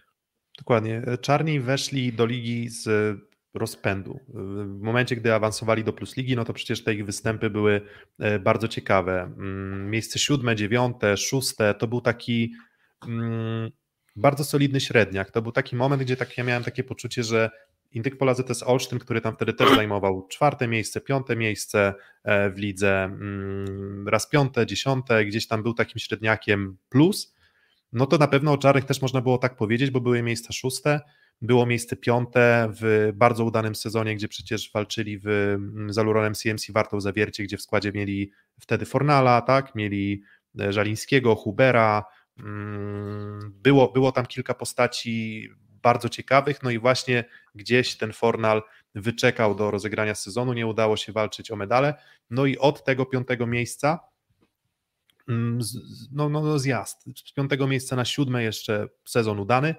Potem mm, kolejny sezon z też nazwiskami dość poważnymi, bo tam przecież i Dawid Konarski był w zespole, też rozczarowanie. Jakby miało być, miało być dużo, dużo lepiej, a było bardzo, bardzo nijako. No i ten poprzedni sezon, no to tak jak mówię, niby 7 zwycięstw, niby 19 porażek, ale nawet jakbyśmy spojrzeli tam na ratio punktowe, na ratio setowe, to no, no ciężko, ciężko było się zachwycać i ciężko było tą drużynę e, w niektórych sytuacjach e, na boisku oglądać, ale ogromny szacunek za to, że wiecie, no, no ja też tak myślimy tak o sporcie, mówimy o boisku, tam czy podoba nam się gra, czy nie. Na końcu no idzie o to, czy wygrywasz i czy realizujesz swój cel. Myślę, że patrząc na to, co w zeszłym sezonie jakby miało do zaprezentowania skład czarnych, to, to, to celem było utrzymanie i to ten cel udało się zrealizować. Mm, w Prawdzie nie było to, to pewne aż do ostatniej kolejki, gdzie już przytem, przytaczaliśmy historię tamtego sezonu, gdzie Nysa w ostatniej chwili mogła przeskoczyć Czarnych i to Radom grałby w barażach, a nie zespół Stary Nysa, ale tak, tak jak mówisz, no, cel został zrealizowany, jakim kosztem już może nie roz... tak, jak nie wiesz, rozczytajmy, jak ale, tak, ale nie udało się z tak. oglądanie gry Ceradły i Czarnych. Wiesz, udało się zrealizować, ale jakim kosztem? I teraz tak, właśnie, co jest bardzo ciekawe, bo mm, wydawałoby się, że to po takim nieudanym sezonie gdzieś to jest drużyna, w której powinno dojść do nieco głębszego przemeblowania. A spoglądamy sobie na rubrykę zostają i widzimy, że zostaje dwóch atakujących, zostaje libero, mm, zostaje mm, Bartłomiej Lemański, podstawowy środkowy w poprzednim sezonie, mm, Bartosz Firszti, Paweł Rusin, czyli no, trudno powiedzieć, no chyba patrząc po nazwiskach Piotra Łukasika i Mauricio Borgesa, no to raczej zawodnicy na miejsca 3 i 4 na pozycji przyjmujących. Wiktor Nowak, który będzie rywalizował z Pawłem Wojickim w poprzednim sezonie, był drugim rozgrywającym, Michał Ostrowski po kontuzji mm, znaczącej, Sebastian Warda taki trzeci, no trzeci, trzeci środkowy wtedy w mm, polemańskim Parkinsonie i właśnie trzecim środkowym był w poprzednim sezonie Sebastian Warda, no i drugi libero Maciej Nowowsiak. I tylko cztery nowe nazwiska trafiły do, do klubu. Mauricio Borges. To jest zawodnik, który Um, wydaje się, że swój, nazwę to tak, prime fizyczny raczej ma za sobą, ale gdy oglądałem czarnych w sparingu ostatnim, to nie odmówię mu fantastycznej techniki. Jakby, jakby to jest zawodnik, który naprawdę może być solidnym spoiwem, e, spoiwem drużyny.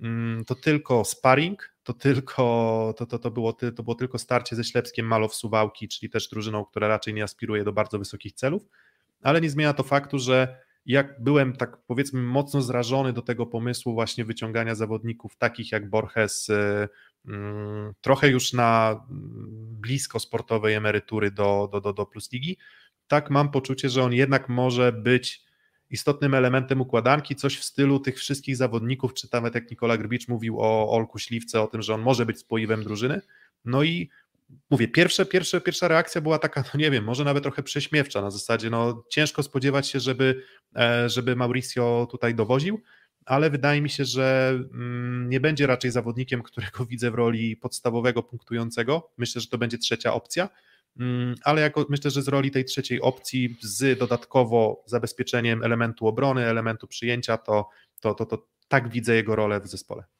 No właśnie ta jego technika pozwala mu dość długowiecznie grać w siatkówkę i na pewno warunki fizyczne czy tam parametry skocznościowe to już mogło być e, nie te, bo nazwisko to jest duże, to jest mistrz olimpijski z 2016 roku, zawodnik, który ociera się o reprezentację Brazylii, zaliczył kilka turniejów, wprawdzie głównie jako rezerwowy, ale mimo wszystko. Mm, ostatnio jednak dość nieudany sezon we Włoszech, to znaczy w ataku on dość słabe parametry, ale tak jak mówisz, to raczej nie jego rolą będzie bycie pierwszą strzelbą Radomian. Byłem dość sceptyczny, sceptyczny jeśli chodzi o ten transfer, natomiast jeśli widziałeś w sparingu jakieś symptomy pozytywów, no to, to może jednak są szanse, że na koniec sezonu gdzieś wpiszemy go po stronie pozytywów, aczkolwiek w 100% przekonany nie jestem, że to będzie trafiona inwestycja czarnych. Do pary z nim Piotr Łukasik. No gdybym miał zdrowie, to na pewno byłbym jakby skłonny zgodzić się, że to będzie udany transfer, natomiast co do jego zdrowia, to będą duże wątpliwości przypuszczalnie, bo, bo jednak co róż zdarzały mu się jakieś kontuzje i ja nie wiem, czy on w ostatnim czasie czuł się w pełni zdrowy. Mam nadzieję, że tak i mam nadzieję, że zdrowie będzie jednak wystarczało nagranie. No, gdyby nawiązał do tego sezonu chyba ostatniego Boniko Warszawa, no to na pewno bardzo ważna postać byłaby w ekipie czarnych. A co do mhm. właśnie tego, że on nie był w formie od dość długiego czasu, mam wątpliwości, czy to będzie udany transfer.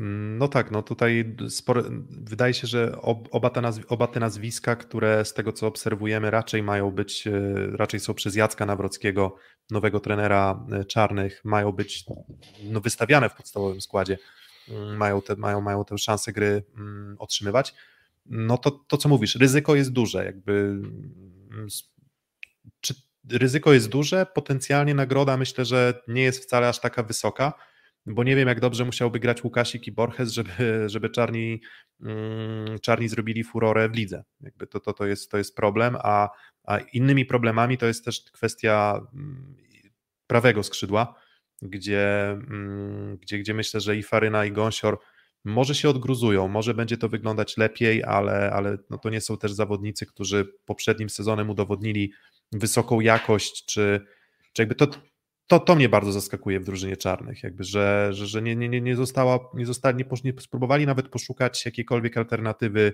na pozycji drugiego atakującego, może ważne kontrakty, trudno mi powiedzieć, może może kwestie finansowe.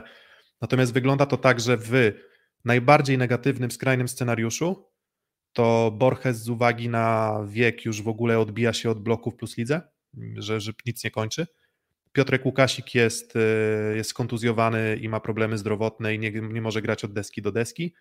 Musi ratować to wszystko Paweł Rusin i Bartek Firszt. Pawła, y, Pawła Rusina bardzo cenimy, jest bardzo efektownym zawodnikiem, ale niestety nie jest zawodnikiem też bardzo efektywnym, jeżeli chodzi o jakość. Tak? Jeżeli spojrzymy na to, jak tak naprawdę na końcu wyglądały jego parametry w ataku, to były to parametry mizerne dość, tak? Czyli on raczej tam zagrywka, pojedyncze szarpnięcia, kilka fantastycznych, spektakularnych ataków, więc jest tutaj potencjał na duży problem. Jeżeli oczywiście wszystko pójdzie nie tak. Jeżeli pójdzie w miarę, no to co? Borges zrobi swoje, jeżeli chodzi o element przyjęcia. Piotrek Łukasik, mm, on też już w Ślepsku malów Suwałki też wydawało się, że on dostanie tam dużo szans na grę a, a wyszło na to, że, że, że wcale tych szans tak dużo nie było. Przegrywał rywalizację finalnie też z. Przyszedł z Dominik Kwapisiewicz i raczej postawił na Halabę z Buchowskim, e, aniżeli na Piotra Łukasika. Dokładnie, więc, więc mówię, spore ryzyko. Patrząc po samych nazwiskach, wydaje się, że, że, że ta para na przyjęciu może, może się spisać. Nie, nie skreślam jej mm, od razu, ale, ale ma, jakby swoje wątpliwości mamy prawo chyba wyrazić. Mm, dalej, Timo Tamema to ołtarzyk się przenosi z Rzeszowa do Radomia, bo wiem, że ty Filip jesteś wielkim fanem talentu. Tak, jestem Timo bardzo, bardzo żałuję, że i Rafał Buszek i Timo Tamema opuścili Jaseko Rysowie Rzeszów, no a co do Timo Tamemy myślę, że to będzie bardzo jasna postać środka siatki. To krótko mówiąc, jestem fanem tego zawodnika. E, bardzo uważam, że jest niedoceniany i bardzo pozytywny ruch ze strony czarnych, skoro udało im się go ściągnąć. No i drugi element zaciągu z Asekoresowi Rzeszów, czyli Paweł Wojicki. Paweł Wojicki już ekstremalnie doświadczony, rozgrywający, mm, rozgrywający, który w poprzednim sezonie mm, raczej pojawiał się głównie na podwójnych zmianach mm, z, z, za, za kadencji najpierw Giulianiego, a potem, a potem Mendeza. Wygląda na to, że to też będzie wybór Nawrockiego, jeśli chodzi o podstawowego rozgrywającego w tym sezonie co mnie może odrobinkę tam mm, zaskakuje, bo spodziewałem się, że jednak on przyjdzie tutaj w roli, mm, Paweł Wójcki przyjdzie w roli drugiego rozgrywającego, mm, który będzie wspierał w razie potrzeby, przejmie inicjatywę. Może jeszcze jakieś tam kwestie zdrowotne Wiktora Nowaka, bo on miał problem przecież w poprzednim sezonie zdrowotny, a może po prostu przegrywa rywalizację sportowo, co może nie świadczy jakoś e, fantastycznie dobrze o, o prezentowanym przez e, Wiktora poziomie, no ale też no, w drugim sezonie, w poprzednim sezonie też był roz, drugim rozgrywającym przy Kędzierskim. Mm, dokładnie, spodziewałem się, że właśnie Wójcki będzie takim zabezpieczeniem dla Wiktora Nowaka, że postawi się od deski do deski na tego zawodnika. Dużo dobrego o nim mówił trener Jakub Bednaruk, ale w zeszłym sezonie nie udało się zaprezentować umiejętności temu rozgrywającemu, bo po prostu stracił go przez kontuzję i czarni musieli sięgać po transfer e, Woropajewa. Mm, to, co się rzuca w oczy, to i Wiktor Nowak nie jest jakimś najroślejszym rozgrywającym, a już w ogóle do najwyższych rozgrywających nie należy Paweł Wójcki, więc kto by nie grał, to może to być problem z wysokością bloku, jeśli będą w pierwszej linii. No i też o Pawle Wójckim sporo można powiedzieć, jako osobie, która prawdopodobnie po zakończeniu kariery pójdzie w trenerkę i już nieraz w sztabach szkoleniowych się znajdował, bo czy to był na uniwersjadzie wraz w parze z Danielem Polińskim, czy w kadrze Witala Heinena, więc już widać, że chyba jasna jest jego przyszłość i stąd też myślałem, że trochę jakby odejdzie w cień. A tu jednak widać, że może nie do końca tak być i jeszcze może poprowadzi grę Radomen w tym sezonie Paweł Wójcki. Mm, dokładnie. I tak, i przechodząc płynnie do, do, do samego składu e, Czarnych Radom, mm, zmian dużych nie ma, ale jednak jak spoglądamy, jakby to też wygląda na to, że ok, czterech zawodników, nie został przemeblowany cały, cały skład, ale tych czterech zawodników powinno, jakby tylko trzy osoby zostaną z poprzedniego sezonu prawdopodobnie, jeśli chodzi o, o wyjściową, e, wyjściową siódemkę. Mm, dajcie dosłownie sekundeczkę, tę grafikę Wam przedstawimy. Natomiast e, no, trzy postaci, które z poprzedniego sezonu zostaną, to wydaje się jednak, że dość e, niezły sezon. Ten chyba najlepszym zawodnikiem poprzedniego sezonu w czarnych wydaje mi się był mm, albo Paweł Rusin, albo Masłowski Mateusz. Mm, I wydaje mi się, że to był, to był jego niezły sezon Masłowskiego. I myślę, że on cały czas jeszcze spokojnie może się do roli tego solidnego ligowca wbić. Jakby myślę, że to nie jest raczej potencjał reprezentacyjny na najwyższy poziom, ale wydaje mi się, że taki zawodnik, który jako, jako na libero powinien solidną pozycję swoją wyszarpać w lidze. Od czasu do czasu Masłowskiemu przydarzają się kontuzje i wtedy szansę dostaje Maciej Nowowsiak i to też jest tak, że jak on jest na boisku, to nie ma tam dziury wyraźnej, to znaczy mm, nie ma aż tak bardzo rzucające się w oczy różnicy. Jeżeli nie ma Masłowskiego, to Nowowsiak jest jego solidnym e, zabezpieczeniem tej pozycji. Także tu, jeśli chodzi o Libero, to myślę, że możemy być spokojni w ekipie czarnych. Mm, dobra, to już tę grafikę naszą ze składem awizowanym widzicie na, na ekranie. Rafał Faryna z Pawłem Wojickim, mm, chociaż Daniel Gąsior też sporo szans dostaje, więc tutaj nie, nie, nie, nie będę oceniał jednoznacznie, czy to musi być Rafał Faryna, no ale postawiliśmy na Rafała Farynę. Mm, Rafał Faryna, no jeden fantastyczny sezon w MKS-ie będzie, a poza tym tak o. I, i, I to też jest urok, nie wiem, czy statystyk, czy drużyny, że do tej pory od tego sezonu kapitalnego, gdzie, gdzie tam grał naprawdę na fantastycznej efektywności, skuteczności Rafał Faryna, to nie jest w stanie odtworzyć w sobie ani warunków, ani otoczenia, ani gdzieś też więzi z rozgrywającym, która pozwoli mu na powrót na, na tak wysoki poziom. No w poprzednim sezonie no chyba wskazalibyśmy go i ogólnie to zestawienie atakujących jako chyba jedno z najsłabszych w lidze. Mm, nie wiem, czy też się tutaj Filip zgadzasz. Tak, zgadzam się. Pamiętam w ogóle jego początki. On jakby mm, wskoczył do składu Benzina po tym, jak Lincoln Williams, czyli Australijczyk, gdzieś w trakcie sezonu opuścił Benzin. Wtedy rezerwowo atakujący wszedł i trochę z futryną, można powiedzieć, do tamtego składu i przeniósł tę dobrą grę na sezon kolejny.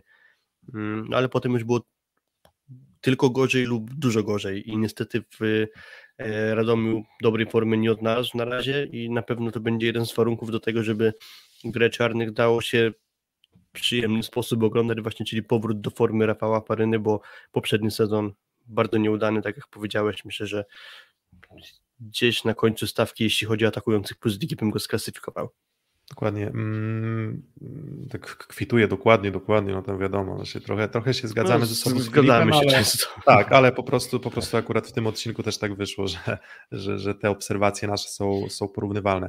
Mm, para środkowych. Bartłomiej Lemański, Timo Tamema. Timo Tamema na pewno wzmocnienie, chociaż akurat Michael, Michael Parkinson w poprzednim sezonie nie wyglądał źle wcale. W sensie to, to, to nie był z nami zawodnik, który Też był. Biorąc pod uwagę okoliczności, w jakich Parkinson trafił, czyli tam kontuzja Michała Ostrowskiego. E, Juri Semeniuk dość późno rozmyślił się z kontraktu w Radomiu, a trafił do epicentra Podoliany, więc trochę awaryjnie został ściągany Parkinson i myślę, że to pozytywny e, efekt dało. To znaczy Parkinson nie był jakąś wyraźną dziurą. Myślę, że gdyby został w tym składzie, to też nie byłaby jakaś wielka niedorzeczność. No tak, ale spoglądając jednak na, na, na porównując Timo Tamemę i, i Parkinsona, to wydaje mi się, że jednak Tamema tych takich oznak ciekawej gry, lepszej gry, wyższego trochę potencjału niż Holender pokazywał na pewno w elemencie zagrywki, bez dwóch zdań. Mm, I, I tutaj jakby co, co tego w ogóle nie ma wątpliwości, ale, ale ogólnie wydaje mi się, że to jest środkowy lepszy, natomiast nie wiem, czy jest lepszy na bloku. W zeszłym sezonie Czarni mieli jednak problem z tą mobilnością na bloku, mieli problem też z jakością bloku na skrzydle. Mm, dość słabo blokuje Faryna. Dochodzi Paweł Wojicki, który dalej, no jakby to jest dziura w, na bloku. Nie, nie, nie, nie, możemy, możemy oszukiwać siebie, możemy oszukiwać rzeczywistość, ale to nigdy nie był zawodnik o wysokich parametrach fizycznych i, i teraz też nie jest zawodnik, który może liczyć na to, że, e, że, że, że tych bloków punktowych, czy nawet nie tyle bloków punktowych, co by bloków będzie łapał E, łapał dużo. Mm, więc tutaj cały czas wydaje mi się, że ok, Piotrek Łukasik i Mauricio Borges to myślę, że to jakiś tam plusik będzie, jeżeli chodzi o element bloku. Piotrek Łukasik na pewno, gdybym miał wskazać jeden element, to, to na bloku potrafi zamurować. Natomiast jeżeli chodzi o całą układankę, to Mm, no to też musiałoby coś przyskoczyć w głowie Bartłomiejowi Lemańskiemu, żeby, e, bo on jest bardzo statycznym środkowym, to jest środkowy, który gdzieś tam lepiej sobie radzi, jak ma możliwość ustawienia, nie wiem, na, na wysokiej piłce podwójnego, potrójnego bloku, jeżeli chodzi o jakieś tam reakcje jeden na jednego, to, to, to, to bywa różnie, no to jest kolejna szansa dla Bartłomieja Lemańskiego na przełamanie gdzieś tam tej negatywnej pasy w jego karierze, no bo ten poprzedni sezon już był ciutkę lepszy od wywiadu z tobą, Filip, nie wiem, czy pamiętasz, ale, ale też nie, niespektakularny. Pamiętam tę sytuację właśnie, jak tam żartowano, że coś się zadziało dobrego w grze Bartka Lemańskiego po tym, jak e, opublikowany został jego wywiad ze mną, czy tam właściwie mój wywiad z nim. Jako osoby przeprowadzającej, żeby być dobrze zrozumianym, no ale potem już y, kilka kolejnych meczów było znowu takim powrotem do dość słabej dyspozycji. Zawodnik na pewno z dużym potencjałem, ale właśnie fajnie byłoby, jakby na miarę tego potencjału grał. Na razie to nie ma miejsca. Mm, może zmiana trenera tutaj coś y, zmieni, może Jacek Nawrocki będzie w stanie jakoś pozytywnie wpłynąć na jego grę.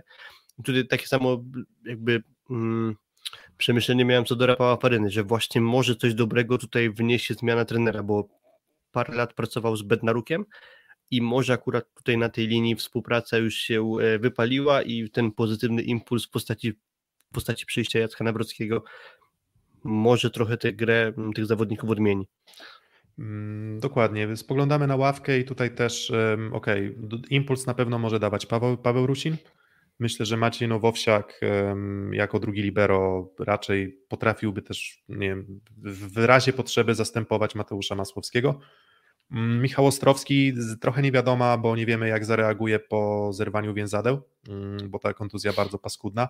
Natomiast no to też był e, z założenia był kapitan drużyny. Wydaje mi się, że on też w tym sezonie, nie wiem czy też ma być kapitanem, mm, ale, ale na pewno też wartość mentalna dla drużyny duża. Czy wartość sportowa? Nie wiem, bo wydaje mi się, że jestem w stanie lepsze trójki le, lepszych trzecich środkowych jestem w stanie wskazać niż, niż właśnie Michał Ostrowski, mm, w szczególności po kontuzji. Więc życzę mu jak najlepiej, mam nadzieję, że, że, że wróci do formy fizycznej, mm, ale to nigdy nie był fantastyczny środkowy, to był, to był solidny środkowy. Mm, więc y, nie spodziewam się niczego więcej niż, niż potencjalnie solidności.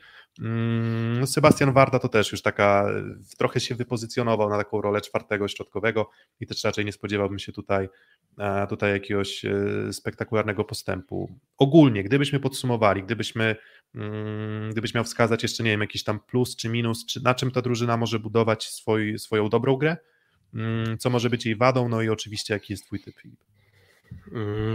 Ja myślę, że tak, jeżeli znaczy dużo, dużo splotów okoliczności musi się wydarzyć, żeby czarni mogli e, poprawić lokatę z tamtego sezonu. To znaczy Piotr Łukasik, czyli zdrowie i powrót do formy chociażby z czasów Woniko Warszawy.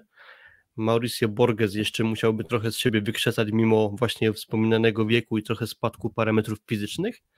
Powrót do formy Rafała Faryny, e, powrót do swojej najlepszej gry Bartka Lemańskiego, oprócz tego mm, osoba może Wiktora Nowaka wejdzie do składu, może nas oczaruje swoją grą. Coś musi w nim być, skoro Jakub Bednaruk się o nim w dobrych e, słowach wypowiada. Mm, Mateusz Masłowski, miewający dość często problemy zdrowotne, musiałby tego uniknąć.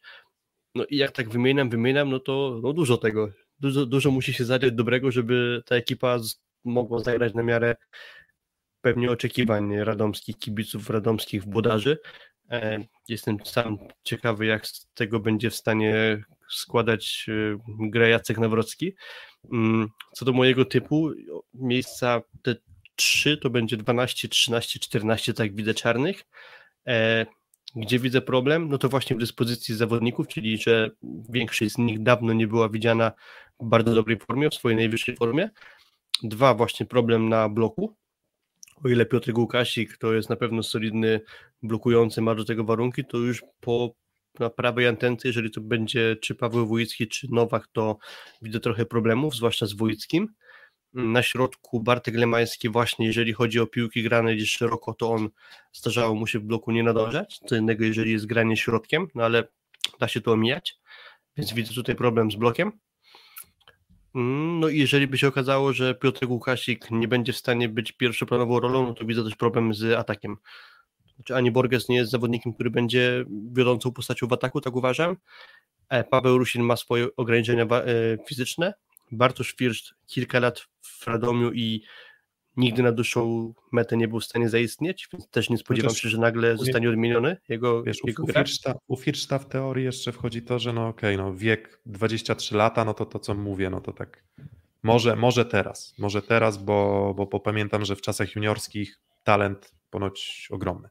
No ale niestety samym talentem, sam, sam talent dużo nie, nie zmieni. No ale to jakby te wątpliwości wszystkie, e, wszystkie tutaj są, tak, jakby mm, z, o, ma, mam nadzieję, że nie będzie tak, że potem znowu będzie, wiesz, hu, hu, huza na e, Rusina, że Rusin musi, będzie musiał ratować e, grę czarnych, e, czy, czy, czy, bo, bo, bo widzę potencjał na problemy spore, ale znowu, gdybym ja miał oceniać, to raczej nie jest to drużyna na spadek, w sensie znowu raczej bym wskazywał niżej a, czy Lwów, czy BBTS, ale tak jak mówisz, takie miejsce 13, takie właśnie 12-14, 13 w, przy dobrym zbiegu okoliczności, może 11. Myślę, trochę może zdradzając, myślę, że zaczepił się na tej blokacie 12-14 gdzieś z Suwałkami Lubinem. Myślę, że to będą ekipy, które będą mniej więcej rywalizować z Radomiem na tej podobnej półce tabeli, bo właśnie też widzę Bielsko i, i Lwów e, niżej aniżeli Radom. Chociaż no, a... jest dużo tych aspektów, które się mogą w Radomiu wysypać, o których mówiłem i wtedy też widzę, że nawet może się to skończyć na lokacie chociażby 15. Mm, a BBTS a wygrywa 3 do 1 za Sekoresowią Rzeszów Spike. to tak jakbyś, jakbyś się zastanawiał. A jeżeli chodzi jeszcze o skład BBTS-u, to Woch i, i Woch i Siek, Formela i Dzierdzie, mm, Zimmerman i Heinz i, i na libero Fijałek. Jeżeli okay. chodzi o ten taki podstawowy, ten, który grał w dwóch pierwszych setach, więc wygląda na to, że może faktycznie Woch Siek i jednak Formela, a nie, a nie Urbanowicz. Mhm. Okay. Mm, no dobra, no to, no to kończymy. Jeżeli chodzi o ankietę, to wy typujecie czarnych na miejsce 9-12. Wydaje mi się, że to miejsce 12 byłoby jakimś tam sukcesikiem tej drużyny.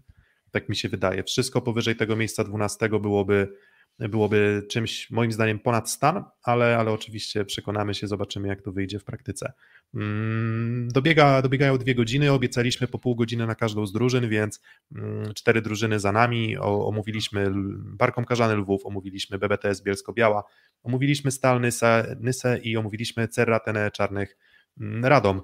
Mm, więc oczywiście w, ciekawi jesteśmy Waszego zdania, bo myślę, że są tutaj też fani każdej z tych drużyn. Jakie macie nadzieje, jakie macie aspiracje, możecie dać, dać swój wyraz temu w komentarzach. Mm, co typujecie? Jeżeli chodzi o kolejne drużyny, to w sobotę będą, będą kolejne trzy drużyny. E, omówimy wtedy drużyny z miejsc żebym się nie pomylił już. 10-12 i będzie to Suwałk, ekipa Suwałk, Lublina i Lubina.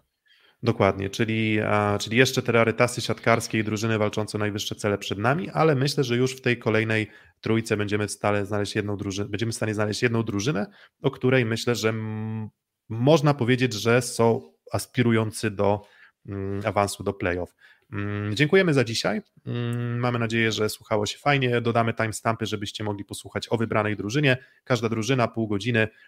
Tutaj widzimy, że sklep Verbena komentarz, że trochę za bardzo przegadane rzeczami mniej ważnymi i tak staraliśmy się to, myślę, dość dobrze skompresować, też żeby nie tylko mówić o personaliach per se, ale też o tym, co potencjalnie może być atutem każdej z tych drużyn albo być jakimś tam problemem.